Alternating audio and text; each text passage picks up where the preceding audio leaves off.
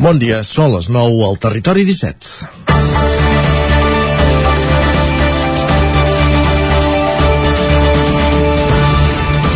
Avui és 8 de març, un dia internacional de les dones que enguany arriba enmig d'una guerra a Ucraïna que es podria convertir en la crisi més gran de refugiats a Europa des de la Segona Guerra Mundial. L'ACNUR, l'Agència de les Nacions Unides pels Refugiats, ha declarat el nivell màxim d'emergència davant les previsions que apunten que 4 milions de persones es podrien veure obligades a fugir cap a altres països si continuen les hostilitats. En aquest vuit tema és de justícia, per tant, que centrem la mirada també en les dones refugiades. La majoria del miler de persones que han sortit els darrers dies d'Ucraïna cap a Polònia, Hongria, Moldàvia, Romania o, Eslovàquia són dones o nenes. Aquesta doble condició de dona i refugiada les converteix en més vulnerables a l'hora d'afrontar perills i discriminacions en una societat que està lluny de poder-se definir com a plenament igualitària.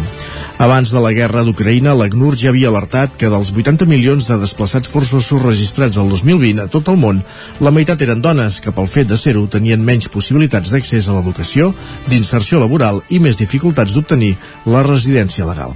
Això sense parlar del risc de ser víctimes de violències sexuals o tràfic de persones. Com si fos una gota malaia, ens hauríem de recordar aquestes desigualtats que crisi darrere crisi ens impedeixen fer passes endavant. Les guerres, però també l'impacte del canvi climàtic o la pandèmia van en contra de la igualtat de gènere. Ahir el 9-9 donava veu a diverses nenes que parlaven sobre com veuen la societat actual i què intentarien canviar. Elles han heretat una situació millor que la de les seves mares i àvies gràcies a les lluites socials dels últims anys, però encara ens, o als, queda molta feina per fer. Una de preocupant és la forta pressió social que pateixen actualment les nenes i noies sobre les, el seu aspecte físic. Un bombardeig d'imatges a través dels mitjans i les xarxes de cànons perfectes i hipersexualitzats. Aquesta cosificació provoca desigualtats, violència i una llarga llista d'efectes com els trastorns alimentaris. Tots plegats hauríem de reflexionar no només el 8 tema, què podem fer per posar-hi fre. Avui, 8 de març, comença un Territori 17 en què, entre d'altres continguts, farem una tertúlia en femení. Sis periodistes, Caral Campàs, Clàudia Dinarès, Maria López, Natàlia Peix, Esther Rovira i Txell Vilamala debatran sobre què implica ser dona avui a partir d'una pregunta tan simple com necessària. Per què encara és necessari commemorar el 8 Serà l'equador d'un programa que ara comença a la sintonia de la veu de Sant Joan, Ona Codinenca, Ràdio Cardeu, Ràdio Vic, el 9 FM i el 9 TV. Territori 17, amb Isaac Moreno i Jordi Sunyer.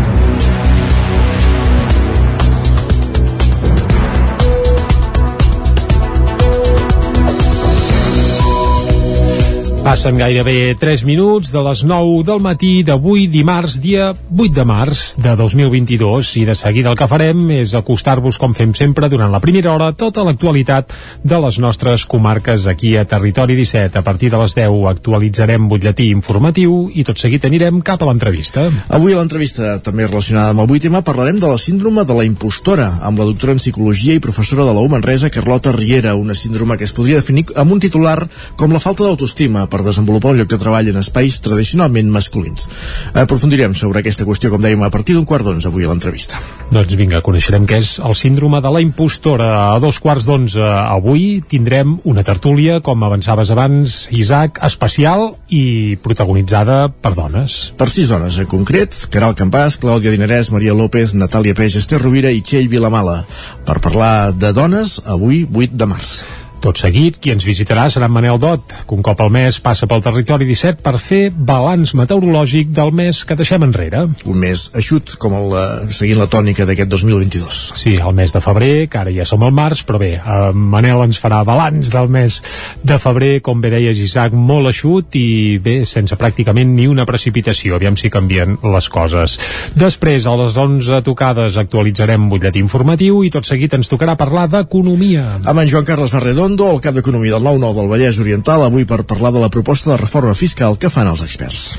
Uh, I a la darrera mitja hora, com cada dia, tindrem temps d'anar a la R3, a la Trenc d'Alba, i avui, que és dimarts, acabarem anant al racó de pensar. Avui la Maria López, de Ràdio Televisió Cardeu, fa vaga, però recuperarem la secció dedicada als sistemes familiars. Doncs tot això ho farem des d'ara mateix i fins al punt de les 12 del migdia aquí a Territori 17 i com sempre per arrencar el que toca és fer un repàs a l'actualitat de casa nostra ja ho sabeu, l'actualitat de les comarques del Ripollès, Osona, el Moianès i el Vallès Oriental.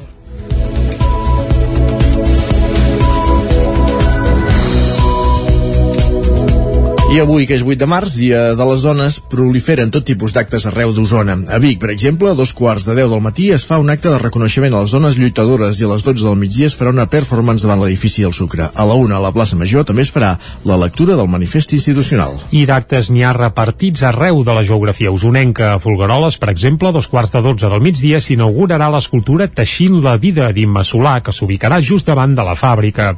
A Tona, a l'espai Muriel Casals, durant tota la tarda s'hi farà un taller per crear referents femenins. A Olós, Turistà, Parafita o Sobremunt, al Lluçanès, també hi haurà actes amb xerrades o sopars populars i a Torelló, a les 9 del vespre, al Teatre Sirvianum s'hi podrà gaudir de l'espectacle Mil maneres de sentir, amb monòlegs a càrrec de Núria Martorell, Clara Guindolain i Queta Iramola. Pel que fa a la manifestació que organitza la Comissió 8 d'Osona i el Lluçanès a Vic, sortirà a dos quarts de vuit del vespre del davant de la comissaria dels Mossos d'Esquadra. I al Ripollès, els actes del Dia de les Dones s'allarguen durant tota la setmana. Isaac Muntades, des de la veu de Sant Joan. A banda dels actes que duran a terme la plataforma 8 tema del Ripollès i el col·lectiu feminista La Sarja, el Consell de Dones de Ripoll farà una sèrie d'actes més institucionals durant el Dia Internacional de la Dona Treballadora. Sota el lema A la vida i a la feina essencials i iguals, a partir de les 5 de la tarda a la plaça Bet Oliva, hi haurà la lectura de textos d'autores ripolleses a càrrec de Núria Camps, del Centre d'Estudis Comarcals del Ripollès. Tot seguit es llegirà el manifest del 8 tema i hi haurà l'actuació de la ripollesa Andrea Blanco, cantant i escriptora que oferirà un repertori escollit per l'ocasió. A dos quarts de set, al Museu Etnogràfic Gràfic s'inaugurarà l'exposició Domma Domina, que es podrà visitar fins al 8 d'abril. L'endemà, a les 6 de la tarda, a la Biblioteca Lambert Mata, es farà una xerrada de taller a càrrec de la psicòloga Natàlia González i fins al 15 de març es podrà visitar una mostra de llibres protagonitzada per dones. On també hi ha força activitats és a Sant Joan de les Abadeses i és que els alumnes de quart de primària a quart d'ESO de l'Institut Escola Mestre Andreu han participat en un taller de rap feminista a càrrec del col·lectiu Barsembrant, mentre que els nens de P3 a tercera primària descobriran els valors de les cançons mil·lenàries de l'Àfrica Occidental el 8 i 9 de març amb Cantàfrica. Divendres a les 6 de la tarda les activitats continuaran amb la projecció del documental Enfam, que explica la història d'una comunitat que practica el crossdressing en un club de Barcelona i que comptarà amb la presència de la directora Alba Barber i d'altres protagonistes de la producció.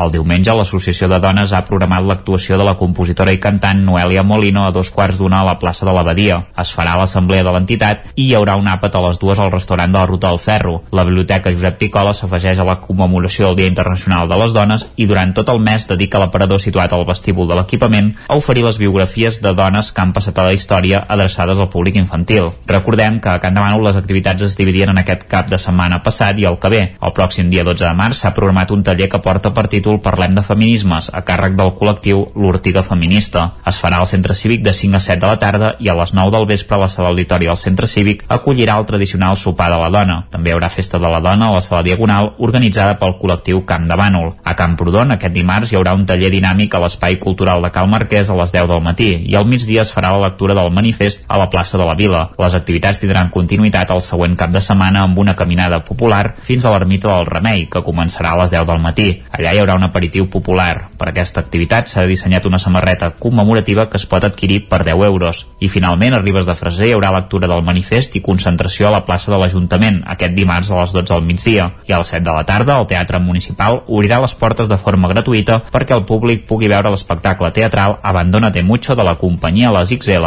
Vigues i Riells del FAI, Caldes de Montbui, Sant Feliu de Codina s'omplen d'actes de motiu del Dia de les Dones.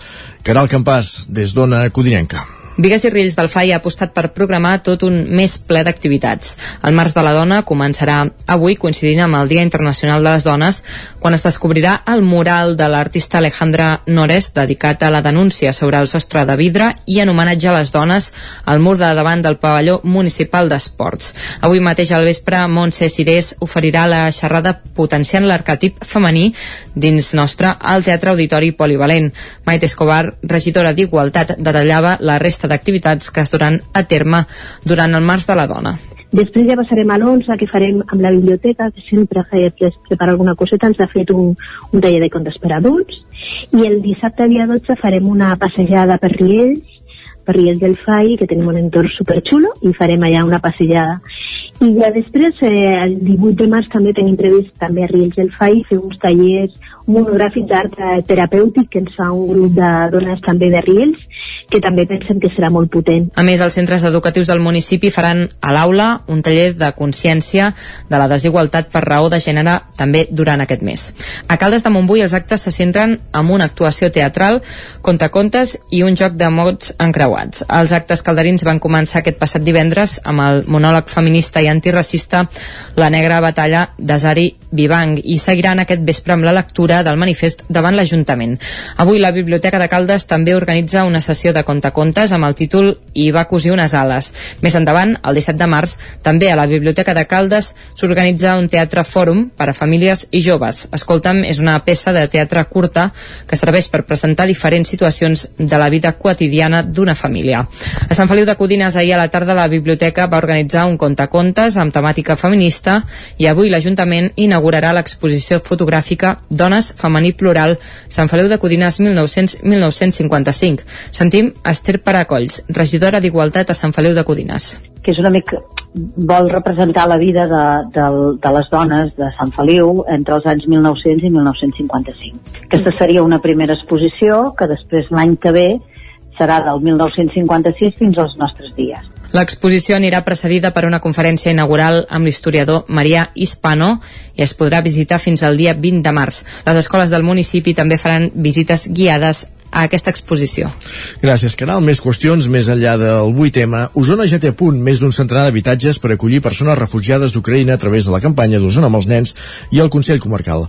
Fins aquest cap de setmana n'havien arribat 10 fugint del conflicte i aquests propers dies està previst que se n'instal·lin una quinzena més. Divendres, unes 500 persones van fer un clam a favor de la pau a la plaça Major de Vic. Amb el lema Construïm la pau, aturem la guerra, mig miler de persones es van concentrar divendres al vespre a la plaça Major de Vic en solidaritat amb el poble ucraïnès ucraïnès i per reclamar la fi de la invasió de Rússia.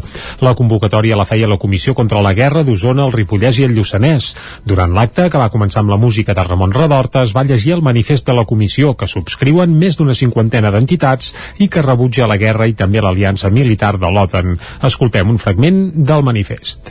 Fem una crida contundent per aturar, per aturar totes les batalles i el vessament de sang, per començar a construir conjuntament, ja des d'ara, els fonaments per a un futur de pau i de llibertat. Una base sòlida que desfaci les malfiances i construeixi ponts del diàleg i de col·laboració. La pau mai no es guanya fent guerres sagnants i cruels. La pau i el des desarmament són l'única solució creïble i possible. Per l'escenari també hi van passar representants de l'ANC de Vic, els avis i àvies de la plaça Major, l'Associació dels Andes, Càrnies en lluita o Unitat contra el feixisme i el racisme d'Osona. En el cas de la comarca d'Osona, a través de la campanya que han encetat l'ONG Osona amb els nens i el Consell Comarcal, amb el suport de diversos ajuntaments, aquest cap de setmana havien arribat ja 10 persones ucraïneses que han sortit del seu país un cop esclatat el conflicte. S'allotgen a Vic, Tona, Sant Quirze de Besora i Alpens. En aquests propers dies està previst que n'arribin una quinzena més el registre d'habitatges que s'ha obert en la mateixa campanya per acollir refugiats ja hi ha més d'un centenar d'habitatges disponibles. Fins ara també s'han recollit més de 1.000 euros en donacions econòmiques per ajudar els refugiats que s'aniran instal·lant a la comarca. El Departament de Drets Socials s'encarrega de l'acollida a Catalunya de les persones d'Ucraïna que eren aquí de pas quan va esclatar la guerra i que ara no poden tornar a casa. Un dels punts d'allotjament és l'Albert de Vic, on aquest cap de setmana hi havia ja tren una trentena d'ucraïnesos. La consellera de Drets Socials, Violant Cervera, que divendres va ser el programa i bona lletra del Nou TV, explicava que la Generalitat intenta posar-los en contacte amb la comunitat ucraïnesa local. Escoltem a Violant Cervera.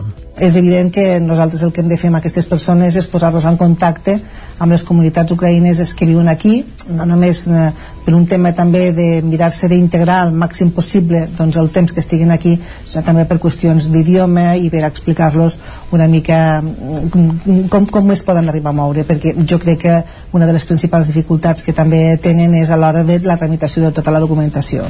La consellera també alertava de les conseqüències socials que pot tenir aquí l'increment de preus derivat del conflicte. L'escoltem i amb el que estem més, eh, més directament interpel·lats és amb tot el tema dels carburants. Ja estaven pels núvols, això afecta evidentment a tota la societat, evidentment sempre les persones més vulnerables, però a tota la societat, als, als sectors econòmics, a la pròpia administració, perquè també les despeses són molt més altes de les que tu tenies previstos amb els pressupostos. D'altra banda, Cervera també, també va explicar que des del seu departament volen tirar endavant projectes per valor de 1.040 euros, mil, no, perdó, 1.040 milions d'euros, ara sí que ho direm bé, finançats amb els fons europeus Next Generation. I ens fixem ara en Albert Palacio, un mosso d'esquadra vinculat a Gualba, que vol portar infants d'un orfenat d'Ucraïna a Catalunya.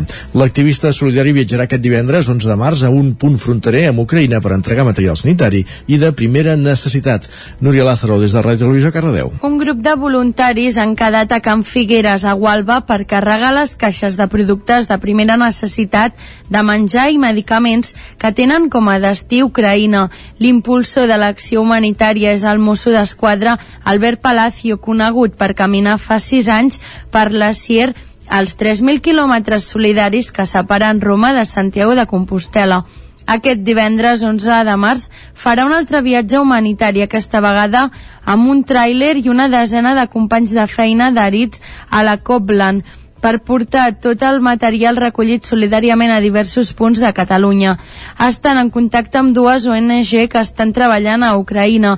És per tu i Kids Ucraïna. Aquestes organitzacions fa més de 20 anys que es dediquen a acollir infants de la població d'Ivankiv propera a Txernòbil. Aquest és el primer objectiu. N'hi ha un altre d'important perquè tenen l'oportunitat de portar a Catalunya 80 infants i una vintena d'educadores d'un orfenat ucraïnès. Per això estan fent gestions per disposar d'autocars. L'activista solidari remarca que ja disposen d'un llistat de més de 500 correus electrònics de gent disposada a acollir. Tothom qui vulgui col·laborar econòmicament ho pot fer a través de Visum al número 62 93 69 21 9. Us ho explicàvem ahir, us ho avançàvem ahir, el territori 17 que vam rebatejar com a territori Gaudí, el gran protagonisme que van tenir els noms de les nostres comarques a la gala dels Premis Gaudí. Els principals noms, com pr propis, van ser el de Neus Ballús, amb cinc guardons per la pel·lícula Sis dies corrents, Tomàs Pladevall, que va recollir el Gaudí d'Honor, i Clara Roquet, que va rebre el Gaudí al millor guió i millor pel·lícula en llengua no catalana per Libertad. L'òpera prima de Roquet també es va emportar el Gaudí a la millor protagonista femenina per la jove actriu Maria Morera i el de millor fotografia per Gris Jordana. Quatre premis que van convertir Libertad en una de les grans triomfadores de la nit al costat de Dies Corrents i Leies i les Leies de la Frontera. A l'hora de rebre el premi al millor guió, Roquet va trencar una llança en favor d'aquesta professió. L'escoltem.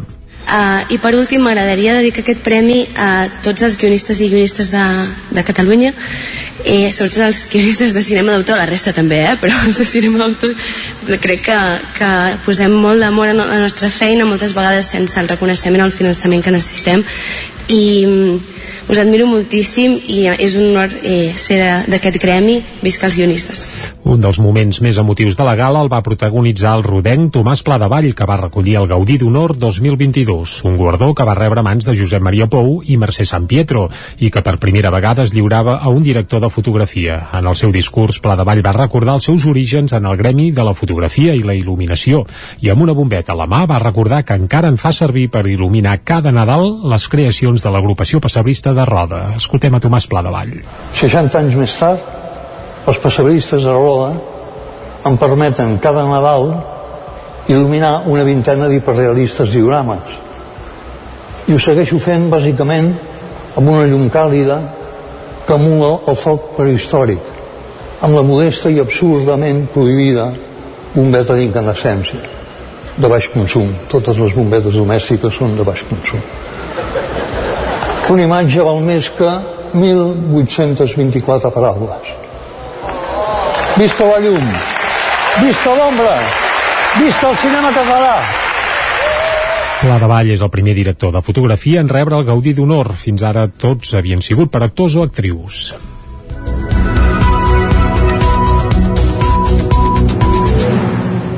I arribats a aquest punt, el que fem després de repassar les notícies més destacades del territori 17 amb Núria Lázaro, Caral Campàs, Isaac Muntades i Jordi Sunyer és conèixer la previsió meteorològica.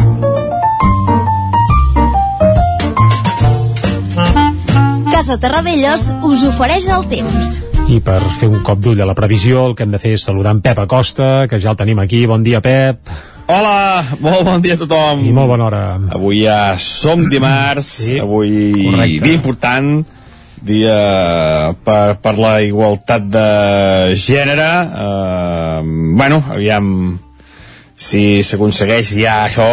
Uh, els últims anys ja hi ha moltes més dones al temps, això també és molt bo. Abans no hi havia, em sembla que abans no, no, no hi havia gaires, i ara per fi ja, ja hi ha molta més més o nostre temps també en aquest sentit i eh, es van aconseguint passos per aquesta igualtat també eh, eh, pel que fa al temps. Ojalà n'hi hagi eh, es consolidi de cara al futur. El que es consolida és aquesta inestabilitat que, que tenim però que no sé com ho diria. Mm, sembla sembla mm, faig una mica de metàfores eh, sembla com si, com, com si la pluja sigués tímida que no no vulgui mm, mm, no es vulgui presentar tingui vergonya no, no sabeu el que vull dir més o menys? No sé si he fet una bona comparació o no sé, no, una bona, no sé què he fet ben bé però bueno, eh, és com si sigués tímida que no vulgui entrar a casa d'algú eh, que no tingui ganes de parlar davant de la gent eh, és, és que no, no acaba de ploure bé no, eh, només diu ei hola bona tarda i, i cauen quatre gotes però, però no acaba de caure eh, una bona precipitació. És que, és que no, no ho entenc perquè eh, molts models eh, es preveu que plourà bastant i a la veritat cauen quatre gotes. És que no, és un, una cosa molt eh, no sé, una cosa molt estranya eh, no, eh, a, a, a 24 hores vista o així les, les, les característiques perquè plogui són ideals però a la veritat acaba plovent molt poc i ja portem uns quants dies amb el mateix panorama, eh? que, que hi ha una, una possibilitat de precipitació una mica important i a la veritat cauen quatre gotes eh, jo no sé ja no sé què pensar ja, ja no sé és que ja no sé què passarà avui el que tinc clar és que les temperatures han baixat eh, fa força fred aquest matí la majoria de les mínimes entre 0 i 5 graus i alguna glaçada i tot a les parts més altes del Pirineu molts núvols i a la tarda encara més núvols i alguna precipitació. Uh, precipitacions poc importants, sembla que poc importants, però és que ja... Mm, espero que algun lloc plogui una mica més del que està indicat. Ahir indicava més pluja, i avui, que és el dia que, que ha de fer, uh, com deia, ja els models indiquen menys pluja de la que està anunciada ahir. Uh, fa uns quants dies que, que, que passa això, no sé, no sé, no sé com és. I uh, les temperatures màximes molt semblants d'ahir, la majoria entre els 10 i els 13-14 graus. Això sí, eh, ha tornat l'hivern amb bastanta força, fa bastant de fred, tant les mínimes com les màximes. Els vents entre febles i moderats, de direcció variable, eh, tenim aquest, uh, aquest petit sistema frontal sobre la nostra que, que, que, que és, és petit, eh? no, no, no ens provocarà sembla molta pluja però bueno, fa uns quants dies ara ja que ja no, no fa un sol allò esplèndid ni molt menys i tenim aquesta inestabilitat. Uh, núvols, ara quatre gotes, fred i serà la tònica de tota la setmana. No tindrem cap dia allò amb un sol espectacular. No, no, tota la setmana tindrem aquest temps. Moltes gràcies i demà ens tornem a escoltar. Aviam si aquesta tarda hi ha hagut una sorpresa i tenim una precipitació més destacada. Aviam. Moltes gràcies, adeu. Vinga, gràcies, Pep. Cel, si sorprens en Pep. Ah, vinga, aviam. ja estaria bé, no, no, tapadot, ja fa uns dies que, que ho tenim això, cosa que no passava a principis d'any, però no acaba de, de regar com tocaria, eh? Va, bé, parlarem cap més del temps més endavant, anem cap al quiosc, ara va. Casa Tarradellas us ha ofert aquest espai. I ràpidament anem a conèixer les portades d'avui, 8 de març. Ah, doncs va, portades avui totes liles, el punt avui, el llaç groc com sempre, però també amb un subratllat de color lila per recordar i commemorar el 8 de març. El titular principal és Corredors impossibles. Fan referència, evidentment, a aquestes vies d'evacuació que en teoria s'havien establert a Ucraïna perquè els civils poguessin fugir del conflicte, I però sembla que sí, exacte, que no, no hi, havia, hi havia trampa. També els preus de l'energia desbocats i més feminisme és l'inici d'un... Bé, bàsicament de l'editorial del diari que ja arrenca a la portada. A l'ara, dones en guerra i la fotografia espectacular per una ucraïnesa que fa un cor allò amb els dits i ella queda una mica engaviada dins aquest cor Uh, és una fotografia preciosa. I atenció a l'altre titular que també veurem sobretot a portades ibèriques. Joan Carles I es quedarà de moment a Abu Dhabi. Però vindrà sempre que li convingui. Ah, exacte, sí, perquè clar, és que l'home és innocent de tot. Aquí hi ha Està la fiscalia tot, tot, ja, tot, tot net, tot arxivat i tot net. A l'avantguàrdia, dura ofensiva russa en l'abans cap a Odessa al Mar Negre, aquest és el titular principal de l'avantguàrdia que també apunta avui tema el repte de recosir el feminisme. I en un, en un raconet també apareix a eh, l'emèrit i diuen el rei emèrit comunica a Felip VI que viurà a Abu Dhabi i només vindrà de visita. Això és el que apunten a la portada de l'avantguàrdia. Al periòdico han fet una portada d'aquelles monogràfiques amb un 8M fet per dotzenes i dotzenes de, de cares femenines i diuen uh, sense igualtat no hi ha futur. I no hi ha res més a la portada del periòdico una portada monogràfica de 8M anem cap a les portades que s'editen des de Madrid. Comencem pel país. Temor a l'economia de guerra. Aquest és el titular principal. I apunten el gas i el petroli es desboquen davant l'amenaça del veto a l'energia russa. També les eh, borses internacionals pateixen sacsejades per la incertesa a Ucraïna i el govern insta els agents socials a un pacte de rendes. També la Xina eh, intercedeix davant de Rússia i planteja exigències. Això també a la portada del país, on també apareix Juan Carlos I, que diuen es queda a viure a Abu Dhabi, però visitarà Espanya amb freqüència, i aquest amb freqüència ja el posen entre cometes. El Mundo, Estats Units negocia amb Maduro alternatives al petroli rus. Aviam si encara es faran amics ara Venezuela i Estats Units. Ves per on. També l'emèrit residirà a Abu Dhabi i visitarà Espanya amb freqüència. Això també ho apunten a la portada del Mundo. Uh, la razón, el titular principal és per Juan Carlos. Clar que sí, diuen Don Juan Carlos no descarta tornar obrint cometes, amb la major privacitat. És a dir, Esclar. vindré sense que es noti gaire. Venen a dir una mica, una mica això. I a l'ABC, el titular i tot plegat, una foto del monarca, prefereixo continuar residint a Abu Dhabi, obrint cometes. I el monarca ben content. I nosaltres que fem una pausa. Fins ara. El nou FM, la ràdio de casa, al 92.8. Això és el que s'escolta al voltant d'una caldera saunia d'Oval. Tranquilitat i benestar, perquè gaudeix del millor manteniment del servei tècnic oficial per estar despreocupat. O el que vulgui. Informis a Oficiat Nord trucant al 938860040. Saunia d'Oval, sempre al seu costat. A El racó de León ja és primavera. Gaudeix de la nostra terrassa. Vine a tastar les xuletilles de lechal a la brasa amb una bona amanida o el xuletón de vedella gallega. No et pots perdre el nostre lechado de Castilla al forn o el cochinillo a l'estil de Segovia. Tot acompanyat del millor celler, al menjador o fora la terrassa. Descobreix la millor cuina de Lleó sense moure't de casa. Vine amb la família, els amics, la parella o sol. T'encantarà. El racó de León, cuina tradicional lleonesa i de mercat. Som al carrer Torelló número 35 de Vic. Per reserves, telèfon 93 889 1950. El racó de León, una cuina diferent. Cobertes serveis funeraris. Els nostres tanatoris estan ubicats en els nuclis urbans més poblats de la comarca d'Osona per oferir un millor servei. Tanatori de Vic, Tanatori de Manlleu, Tanatori de Centelles i Tanatori de Roda de Ter. Sabem que són moments difícils i per això el nostre compromís és atendre-us en tot moment amb un tracte humà, sensible i respectuós. Cobertes serveis funeraris. Telèfon 24 hores 93 883 23 46. Rètols 2A.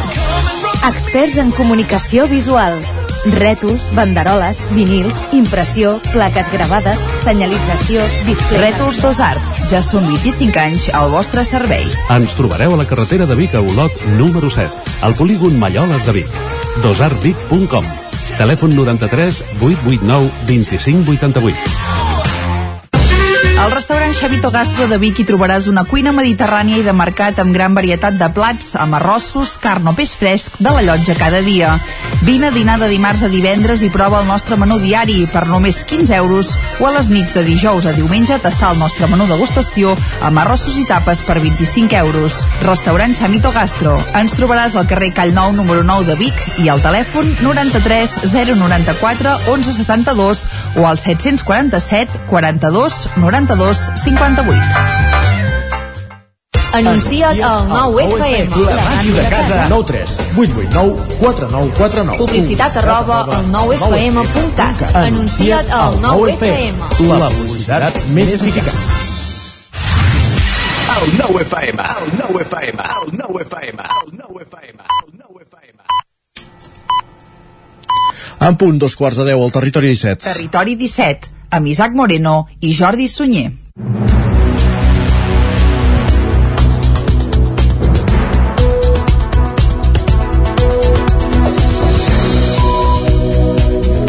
I a dos quarts de deu en punt d'avui dimarts, dia 8 de març de 2022, el que toca de seguida és acostar-vos de nou tota l'actualitat de casa nostra, però abans ja us avancem una mica tot el que farem fins al punt de les 12 del migdia.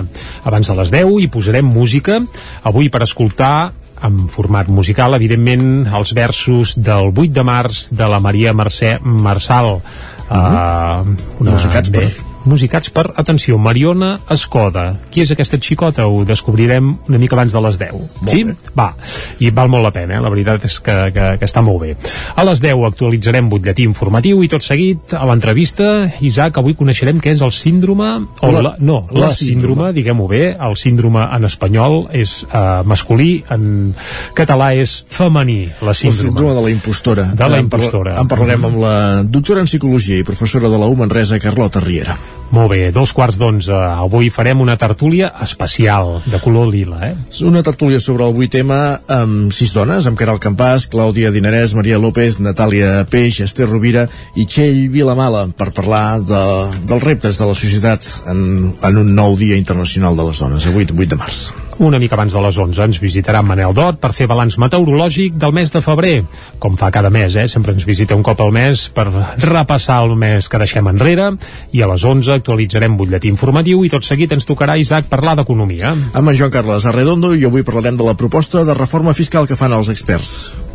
Doncs vinga, això, tots els detalls amb el Joan Carles Arredondo i a la darrera mitja hora, com cada dia, tindrem temps de pujar al tren, a la R3, a la Trenc d'Alba i avui, que és dimarts, acabarem amb el racó de pensar. Amb la Maria López des de Ràdio Televisió Cardedeu. Avui ella fa vaga, però sí que ens ha deixat contingut enregistrat. Recuperarem la secció dedicada als sistemes familiars. Doncs amb això acabarem un territori 17 d'avui, que ara mateix us acosta de nou l'actualitat de casa nostra, de casa vostra, l'actualitat de les comarques del Ripollès, Osona, el Moianès i el Vallès Oriental.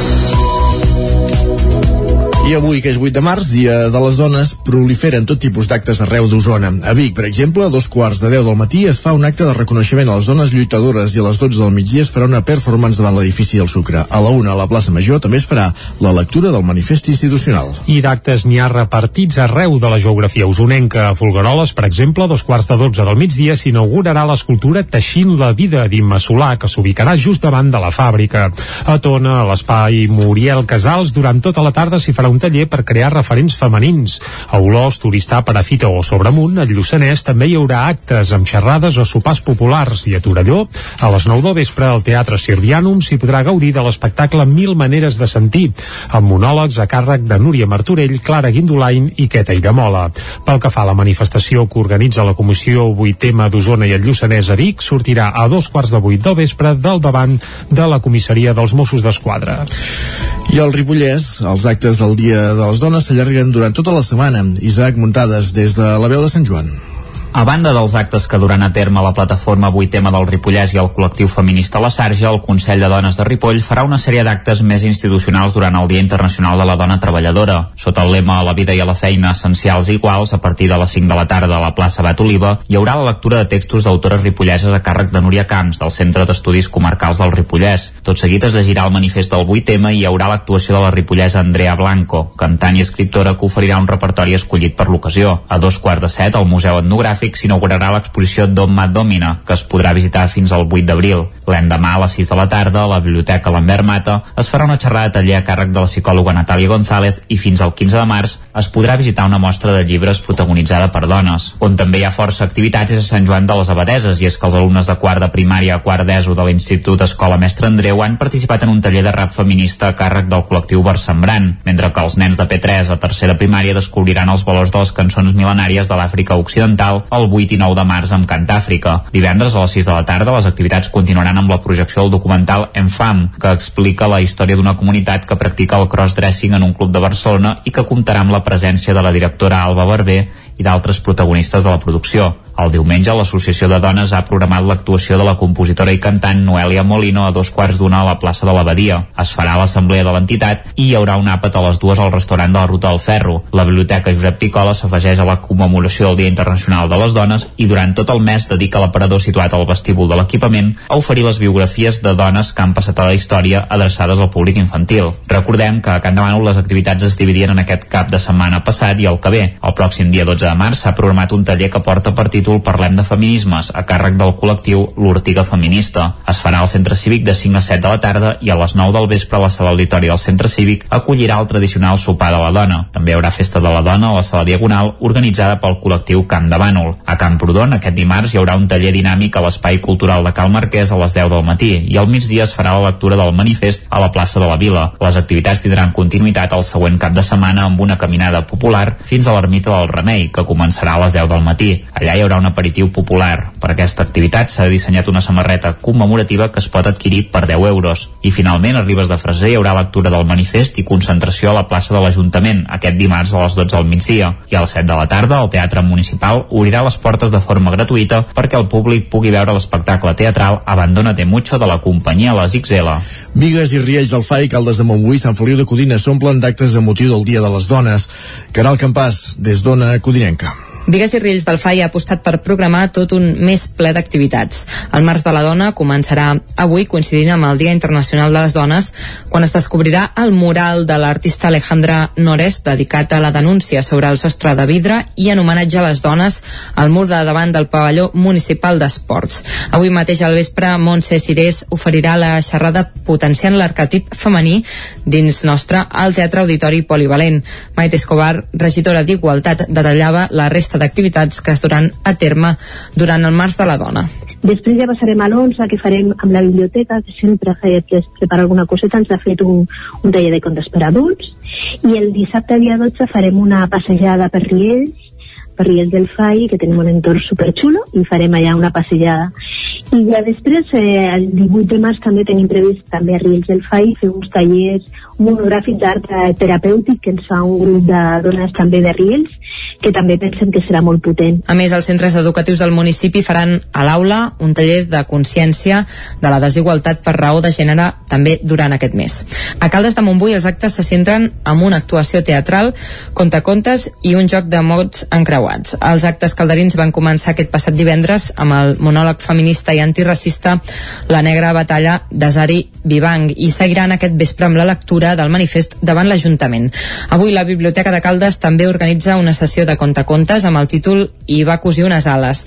Més endavant, el 17 de març, també a la Biblioteca de Caldes s'organitza un teatre fòrum per a famílies i joves. Escolta'm és una peça de teatre curta que serveix per presentar diferents situacions de la vida quotidiana d'una família.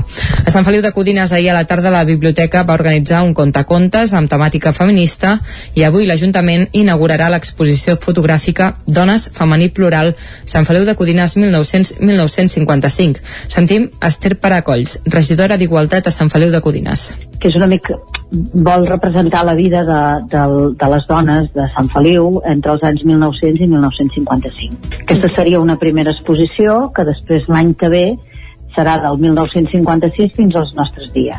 L'exposició anirà precedida per una conferència inaugural amb l'historiador Marià Hispano i es podrà visitar fins al dia 20 de març. Les escoles del municipi també faran visites guiades a aquesta exposició. Gràcies, Caral. Més qüestions, més enllà del 8M. Osona ja té a punt més d'un centenar d'habitatges per acollir persones refugiades d'Ucraïna a través de la campanya d'Osona amb els nens i el Consell Comarcal. Fins aquest cap de setmana n'havien arribat 10 fugint del conflicte i aquests propers dies està previst que se n'instal·lin una quinzena més. Divendres, unes 500 persones van fer un clam a favor de la pau a la plaça Major de Vic. Amb el lema Construïm la pau, aturem la guerra, mig miler de persones es van concentrar divendres al vespre a la plaça Major de Vic en solidaritat amb el poble ucraïnès i per reclamar la fi de la invasió de Rússia. La convocatòria la feia la Comissió contra la Guerra d'Osona, el Ripollès i el Lluçanès. Durant l'acte, que va començar amb la música de Ramon Redorta, es va llegir el manifest de la comissió, que subscriuen més d'una cinquantena d'entitats i que rebutja la guerra i també l'aliança militar de l'OTAN. Escoltem un fragment del manifest. Fem una crida contundent per aturar, per aturar totes les batalles i el vessament de sang, per començar a construir conjuntament, ja des d'ara, els fonaments per a un futur de pau i de llibertat. Una base sòlida que desfaci les malfiances i construeixi ponts del diàleg i de col·laboració. La pau mai no es guanya fent guerres sagnants i cruels. La pau i el des desarmament són l'única solució creïble i possible. Per l'escenari també hi van passar representants de l'ANC de Vic, els avis i àvies de la plaça Major, l'Associació dels Andes, Càrnies en lluita o Unitat contra el feixisme i el racisme d'Osona. En el cas de la comarca d'Osona, a través de la campanya que han encetat l'ONG Osona amb els nens i el Consell Comarcal, amb el suport de diversos ajuntaments, aquest cap de setmana havien arribat ja 10 persones ucraïneses que han sortit del seu país un cop esclatat el conflicte. S'allotgen a Vic, Tona, Sant Quirze de Besora i Alpens. En aquests propers dies està previst que n'arribin una quinzena més. El registre d'habitatges que s'ha obert en la mateixa campanya per acollir refugiats ja hi ha més d'un centenar d'habitatges disponibles. Fins ara també s'han recollit més de 1.000 euros en donacions econòmiques per ajudar els refugiats que s'aniran instal·lant a la comarca. El Departament de Drets Socials s'encarrega de l'acollida a Catalunya de les persones d'Ucraïna que eren aquí de pas quan va esclatar la guerra i que ara no poden tornar a casa. Un dels punts d'allotjament és l'Albert de Vic, on aquest cap de setmana hi havia ja tren, una trentena d'ucraïnesos. La consellera de Drets Socials, Violant Cervera, que divendres va ser el programa i bona lletra del Nou TV, explicava que la Generalitat intenta posar-los en contacte amb la comunitat ucraïnesa local. Escoltem a Violant Cervera. És evident que nosaltres el que hem de fer amb aquestes persones és posar-los en contacte amb les comunitats ucraïneses que viuen aquí, no només eh, per un tema també de mirar-se d'integrar al màxim possible doncs, el temps que estiguin aquí, sinó també per qüestions d'idioma i per explicar-los una mica mm, com, com es poden arribar a moure, perquè jo crec que una de les principals dificultats que també tenen és a l'hora de la tramitació de tota la documentació. La consellera també alertava de les conseqüències socials que pot tenir aquí l'increment de preus derivat del conflicte. L'escoltem i amb el que estem més, eh, més directament interpel·lats és amb tot el tema dels carburants. Ja estaven pels núvols, això afecta evidentment a tota la societat, evidentment sempre les persones més vulnerables, però a tota la societat, als, als sectors econòmics, a la pròpia administració, perquè també les despeses són molt més altes de les que tu tenies previstos amb els pressupostos. D'altra banda, Cervera també, també va explicar que des del seu departament volen tirar endavant projectes per valor de 1.040 euros, mil, no, perdó, 1.040 milions d'euros, ara sí que ho direm bé, finançats amb els fons europeus Next Generation. I ens fixem ara en Albert Palacio, un mosso d'esquadra vinculat a Gualba, que vol portar infants d'un orfenat d'Ucraïna a Catalunya. L'activista solidari viatjarà aquest divendres, 11 de març, a un punt fronterer amb Ucraïna per entregar material sanitari i de primera necessitat. Núria Lázaro, des de Ràdio Televisió, Cardedeu. Un grup de voluntaris han quedat a Can Figueres, a Gualba, per carregar les caixes de productes de primera necessitat de menjar i medicaments que tenen com a destí Ucraïna. L'impulsor de l'acció humanitària és el mosso d'esquadra Albert Palacio, conegut per caminar fa sis anys per la Sier als 3.000 quilòmetres solidaris que separen Roma de Santiago de Compostela. Aquest divendres 11 de març farà un altre viatge humanitari, aquesta vegada amb un tràiler i una desena de companys de feina d'herits a la Copland per portar tot el material recollit solidàriament a diversos punts de Catalunya. Estan en contacte amb dues ONG que estan treballant a Ucraïna. És per tu i Kids Ucraïna. Aquestes organitzacions fa més de 20 anys que es dediquen a acollir infants de la població d'Ivankif, propera a Txernòbil. Aquest és el primer objectiu. N'hi ha un altre d'important perquè tenen l'oportunitat de portar a Catalunya 80 infants i una vintena d'educadores d'un orfenat ucraïnès. Per això estan fent gestions per disposar d'autocars. L'activista solidari remarca que ja disposen d'un llistat de més de 500 correus electrònics de gent disposada a acollir. Tothom qui vulgui col·laborar econòmicament ho pot fer a través de Visum al número 62 93 69 21 9. Us ho explicàvem ahir, us ho avançàvem ahir, el territori 17 que vam rebatejar com a territori Gaudí, el gran protagonisme que van tenir els noms de les nostres comarques a la gala dels Premis Gaudí. Els principals noms, com pr propis, van ser el de Neus Ballús, amb cinc guardons per la pel·lícula Sis dies corrents, Tomàs Pladevall, que va recollir el Gaudí d'Honor, i Clara Roquet, que va rebre el Gaudí a la millor guió i millor pel·lícula en llengua no catalana per Libertad. L'òpera prima de Roquet també es va emportar el Gaudí a la millor protagonista femenina per la jove actriu Maria Morera i el de millor fotografia per Gris Jordana. Quatre premis que van convertir Libertad en una de les grans triomfadores de la nit al costat de Dies Corrents i Leies i les Leies de la Frontera. A l'hora de rebre el premi al millor guió, Roquet va trencar una llança en favor d'aquesta professió. L'escoltem. Uh, I per últim m'agradaria dedicar aquest premi a tots els guionistes i guionistes de, de Catalunya.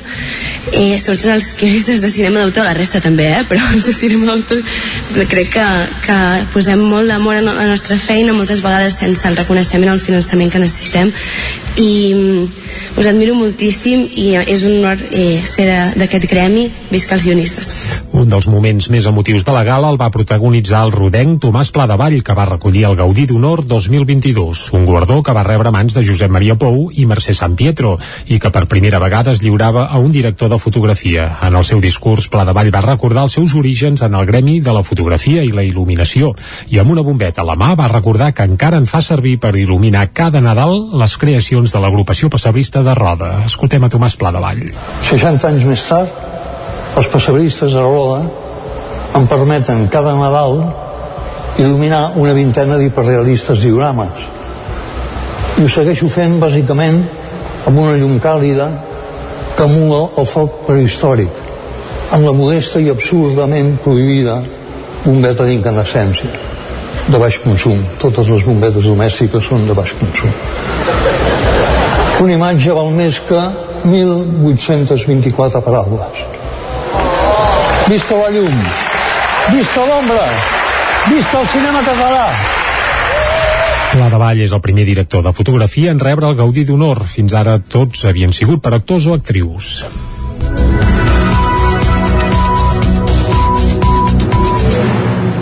I arribats a aquest punt, el que fem després de repassar les notícies més destacades del territori 17 amb Núria Lázaro, Caral Campàs, Isaac Muntades i Jordi Sunyer, conèixer la previsió meteorològica.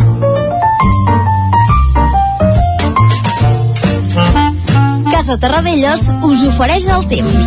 I per fer un cop d'ull a la previsió, el que hem de fer és saludar en Pep Acosta, que ja el tenim aquí. Bon dia, Pep. Hola, molt bon dia a tothom. I molt bona hora.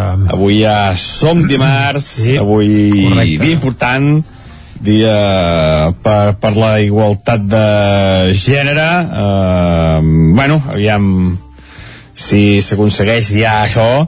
Uh, els últims anys ja hi ha moltes més dones del temps, això també és molt bo. Abans no hi havia, em sembla que abans no, no, no hi havia gaires, i ara per fi ja, ja hi ha molta més més nostre del temps també en aquest sentit. I es van aconseguint passos per aquesta igualtat també eh, eh, pel que fa al temps. Ojalà n'hi hagi eh, es consolidi de cara al futur. El que es consolida és aquesta inestabilitat que, que tenim però que no sé com ho diria. Mm, sembla sembla mm, faig una mica de metàfores eh, sembla com si, com, com si la pluja sigués tímida que no no vulgui mm, mm, no es vulgui presentar tingui vergonya no, no sabeu el que vull dir més o menys? No sé si he fet una bona comparació o no sé, no, no, no sé què he fet ben bé però bueno, eh, és com si sigués tímida que no vulgui entrar a casa d'algú eh, que no tingui ganes de parlar davant de la gent. Uh, és, és que no, no acaba de ploure bé no, uh, només diu ei, hola, bona tarda i, i cauen quatre gotes però, però no acaba de caure uh, una bona precipitació. És que, és que no, no ho entenc perquè uh, molts models uh, es preveu que plourà bastant i a l'hora veritat cauen quatre gotes. És que no, és un, una cosa molt uh, no sé, una cosa molt estranya uh, no, uh, a, a, a 24 hores vista o així les, les, les característiques perquè plogui són ideals però a l'hora veritat acaba plovent molt poc i ja portem uns quants dies amb el mateix panorama, eh? que, que hi ha una, una possibilitat de precipitació una mica important i a la veritat cauen quatre gotes eh, jo no sé ja no sé què pensar ja, ja no sé és que ja no sé què passarà avui el que tinc clar és que les temperatures han baixat eh, fa força fred aquest matí la majoria de les mínimes entre 0 i 5 graus i alguna glaçada i tot a les parts més altes del Pirineu molts núvols i a la tarda encara més núvols i alguna precipitació. Uh, precipitacions poc importants, sembla que poc importants, però és que ja... Mm, espero que algun lloc plogui una mica més del que està indicat.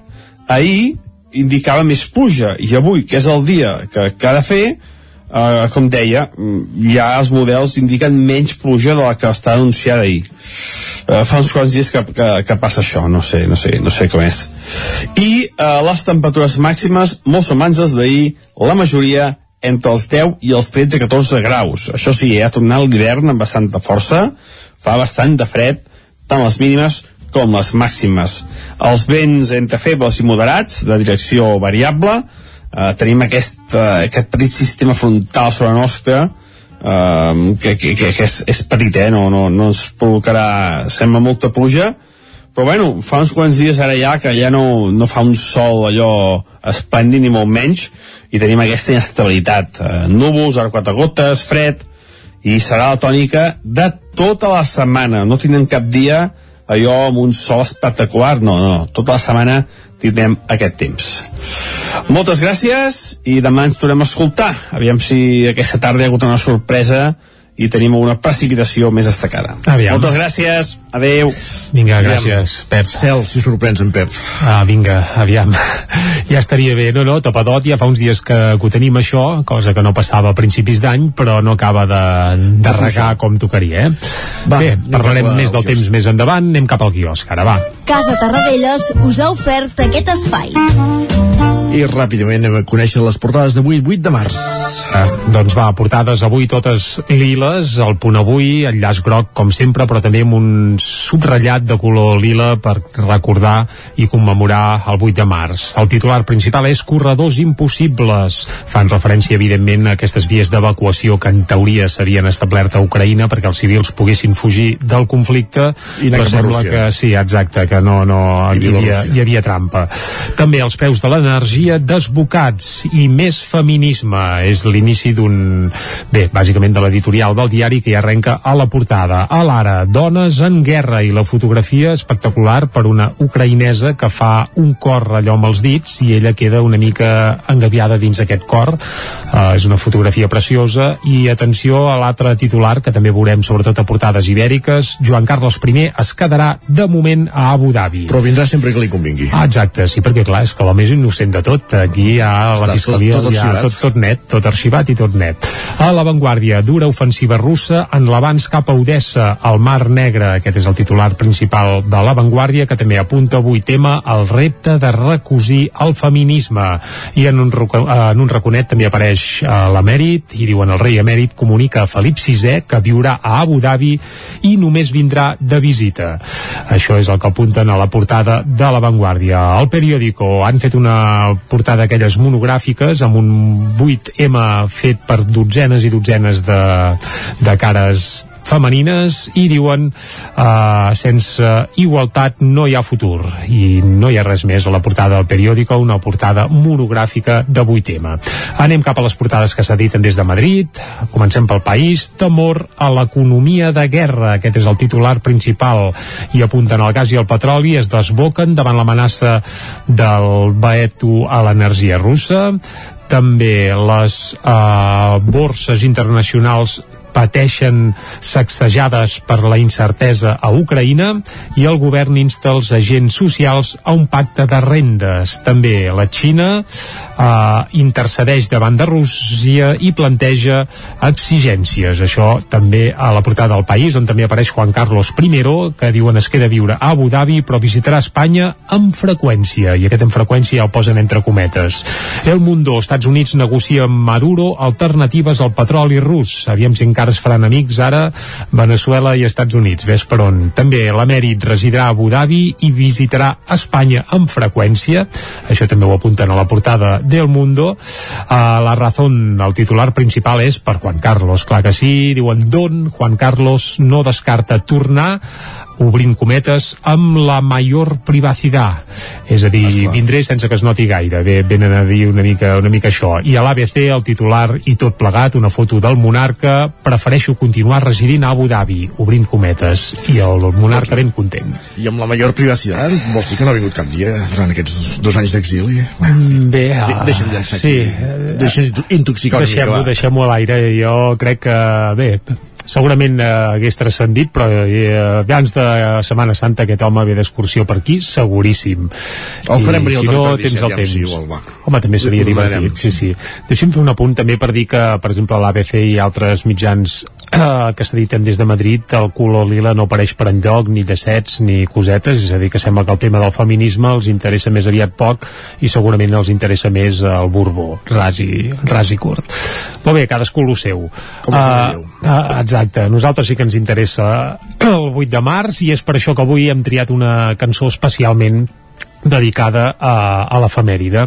Hem anat a gratar una mica perquè, bé, un dels textos referents del 8 de març i segurament també una de les veus eh, qui va més vinculada és la de la Maria Mercè Marçal, aquesta poetessa catalana i feminista, perquè ens hem d'enganyar, que té un, pole, un poema força conegut titulat precisament així, titulat 8 de març, i aquest poema, eh, que per cert està publicat al seu llibre Bruixa de Dol, doncs aquest poema hi ha algú que l'ha musicat més d'algú, eh? però nosaltres hem triat una versió que ens agrada molt d'una noia que es diu Mariona Escoda. Qui és la Mariona Escoda? És una Il·luminats, joveníssima, una joveníssima cantant de balls eh, que entre altres coses ha fet també l'himne dels xiquets eh, de la jove dels xiquets de Valls eh, i també doncs, el que ha fet és musicar aquest poema, aquest 8 de març i això ho escoltarem sencer de cap a peus i dius, ostres, no ens sona gaire la Mariona Escoda no, no, a mi tampoc, però ara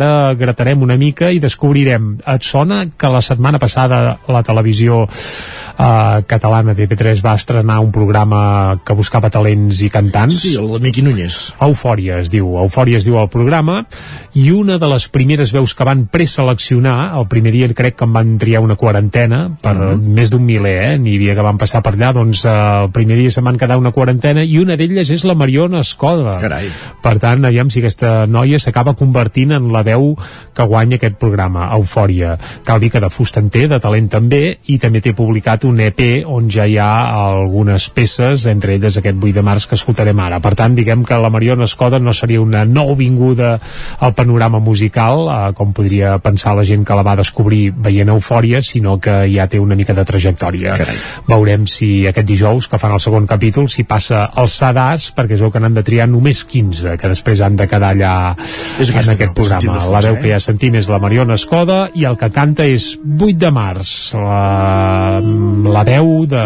Bé, amb la, el text de Maria Mercè Marçal. Amb això arribarem fins al punt de les 10 aquí a Territori 17. Heredes de les dones que cremaran ahir farem una foguera amb l'estrall i la por i acudiran les bruixes de totes les edats. Deixaran les escombres per pasturar del foc cossis i draps de cuina el sabó i el blauet els pots i les cassoles el fregal i els bolquers. Deixarem les escombres per pasturar del foc els pots i les cassoles el blauet i el sabó i la cendra que resti no la canviarem ni per l'or ni pel ferro ni per sceptres ni punyals. Sorgides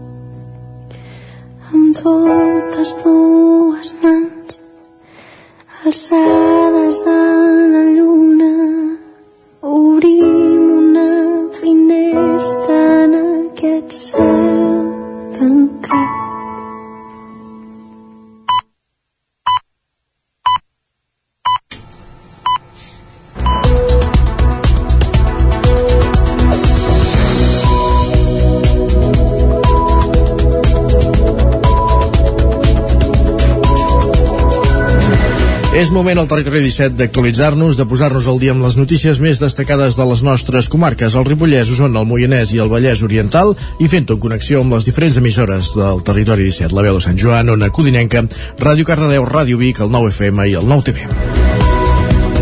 Per explicar-vos aquesta hora que el creixement de l'alumnat de la Universitat de Vic i la seva internacionalització ha provocat un desequilibri entre l'oferta i la demanda de places en residències universitàries a la capital d'Osona. Les places que s'ofereixen són tres vegades menys que les que es demanen. L'efecte també es nota en el preu dels lloguers, amb imports més alts a Vic que a Manresa o Olot. L'oferta de places en residències per a universitaris a Vic és tres vegades inferior a la demanda. L'augment de graus a la Universitat Bigatana i l'aposta per la internacionalització ha generat aquest desajustament. A dia d'avui, la principal residència a la ciutat és la Rubic, amb 265 places i una llista d'espera que dobla aquesta xifra. També hi ha el seminari, que ofereix una quarantena d'habitacions, o el convent de Sant Miquel dels Sants, amb 68 places. En total, encara no 400 places de residència que queden molt lluny de la demanda. Ho explica Marc Mussons, que és el gerent de la Universitat de Vic. L'han de tres vegades la, la demanda supera l'oferta. Per tant, sí que seria important poder tenir a la ciutat alguna Rubik, alguna residència més eh, amb places suficients per poder eh, evitar aquests decalatges entre l'oferta i la demanda, perquè al final també eh, fa que hi hagin estudiants que no vinguin a estudiar aquí perquè no troben allotjament i a la vegada també fa pujar els preus de, dels lloguers i són dues coses que, que tampoc volem des de la universitat que, que succeeixin. Molts estudiants, en canvi, opten per viure en pisos. L'oferta, però, també és limitada. Marc Mussons. Fem una mica doncs, de, uh, de crida a l'altaveu de dir, ostres, si teniu algun habitatge buit, no dubteu en posar-vos en contacte amb la nostra unitat d'habitatge de la universitat, que fem una mica de vegades de, de aconsellar als estudiants de quines possibilitats tenen, i, bueno, i, i també, evidentment, a les immobiliàries de, de Vic, que, que doncs, no tingueu por en, en llogar estudiants, que són, són estudiants responsables, sens dubte. La Gemma Puigpinós i la Júlia Fabregat de Lleida són dues estudiants de la Universitat de Vic que viuen en un pis compartit juntament amb una altra companya. Les escoltem. Bé, de fet, les vaig trobar amb elles que publicaven una publicació al Salseu Vic i des d'allà ens vam ficar en contacte uh -huh. i vam, vam estar parlant uns dies i ja. No ens va costar massa, però bueno, tampoc no va ser a la primera. Però bueno, jo el preu el trobo bé. Sí, és, és bastant assequible. Sí. A dia d'avui hi ha dos projectes per construir dues noves residències a la ciutat de Vic, una al solar de l'antiga Pavixa, a la carretera de Roda, i l'altra a la zona del Nadal. Més qüestions. Les alcaldies del Vallès Oriental traslladen a, al conseller d'Interior, Joan Ignasi Helena, la preocupació pels botellots, ocupacions delinqüencials i ciberatacs. També s'ha posat sobre la taula la unificació de sous de les policies locals. Núria Lázaro, des de Ràdio Televisió, Cardedeu. La sala Bassar de Parets del Vallès va acollir dijous una reunió entre les alcaldies de la comarca i representants de seguretat amb el conseller d'Interior, Joan Ignasi Helena, i el cos de Mossos d'Esquadra per tractar diferents assumptes relacionats amb la seguretat als municipis. Una reunió que havia estat demanada en diverses ocasions per alcaldes i alcaldesses i a la qual hi han assistit més d'una cinquantena de representants municipals. També s'ha traslladat la preocupació davant les ocupacions delinqüencials que es diferencien de les de caire social i també per l'increment de ciberatacs. Els alcaldes i alcaldesses han posat en valor de coordinació entre Mossos d'Esquadra i policies locals i també el conseller que s'ha compromès a celebrar entre dos i tres reunions anuals tal i com li han demanat.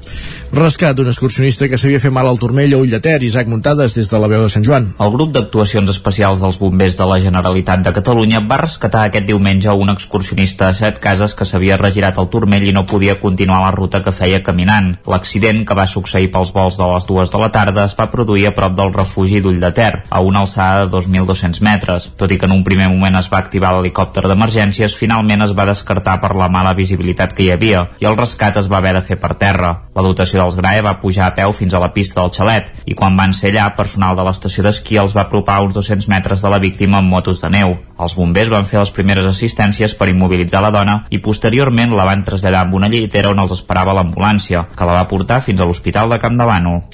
El mes de febrer es va tancar amb un lleuger increment de l'atur a Osona després d'un any a la baixa. Ara mateix a la comarca hi ha 7.051 desocupats, 46 més que al febrer. La dada de l'atur registrat ha crescut el mes de febrer a Osona, just un any després de fer-ho per darrera vegada. El segon mes de l'any es va tancar amb 7.051 desocupats a Osona, 46 més que al febrer, i per tant no s'ha rebaixat la barrera dels 7.000. Precisament el febrer de l'any passat va ser el mes que va començar la sèrie a la baixa trencada al febrer d'aquest any.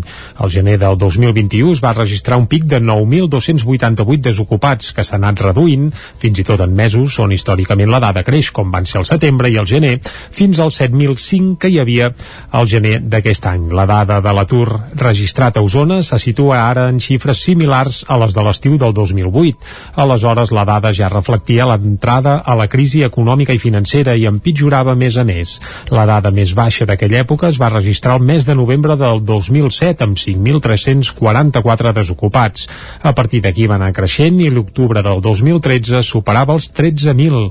En aquesta transició, el juliol de 2008 hi havia 6.966 desocupats a Osona. A l'agost ja eren 7.400 i al setembre 7.600. A partir d'aquí ja es van superar sempre els 8.000.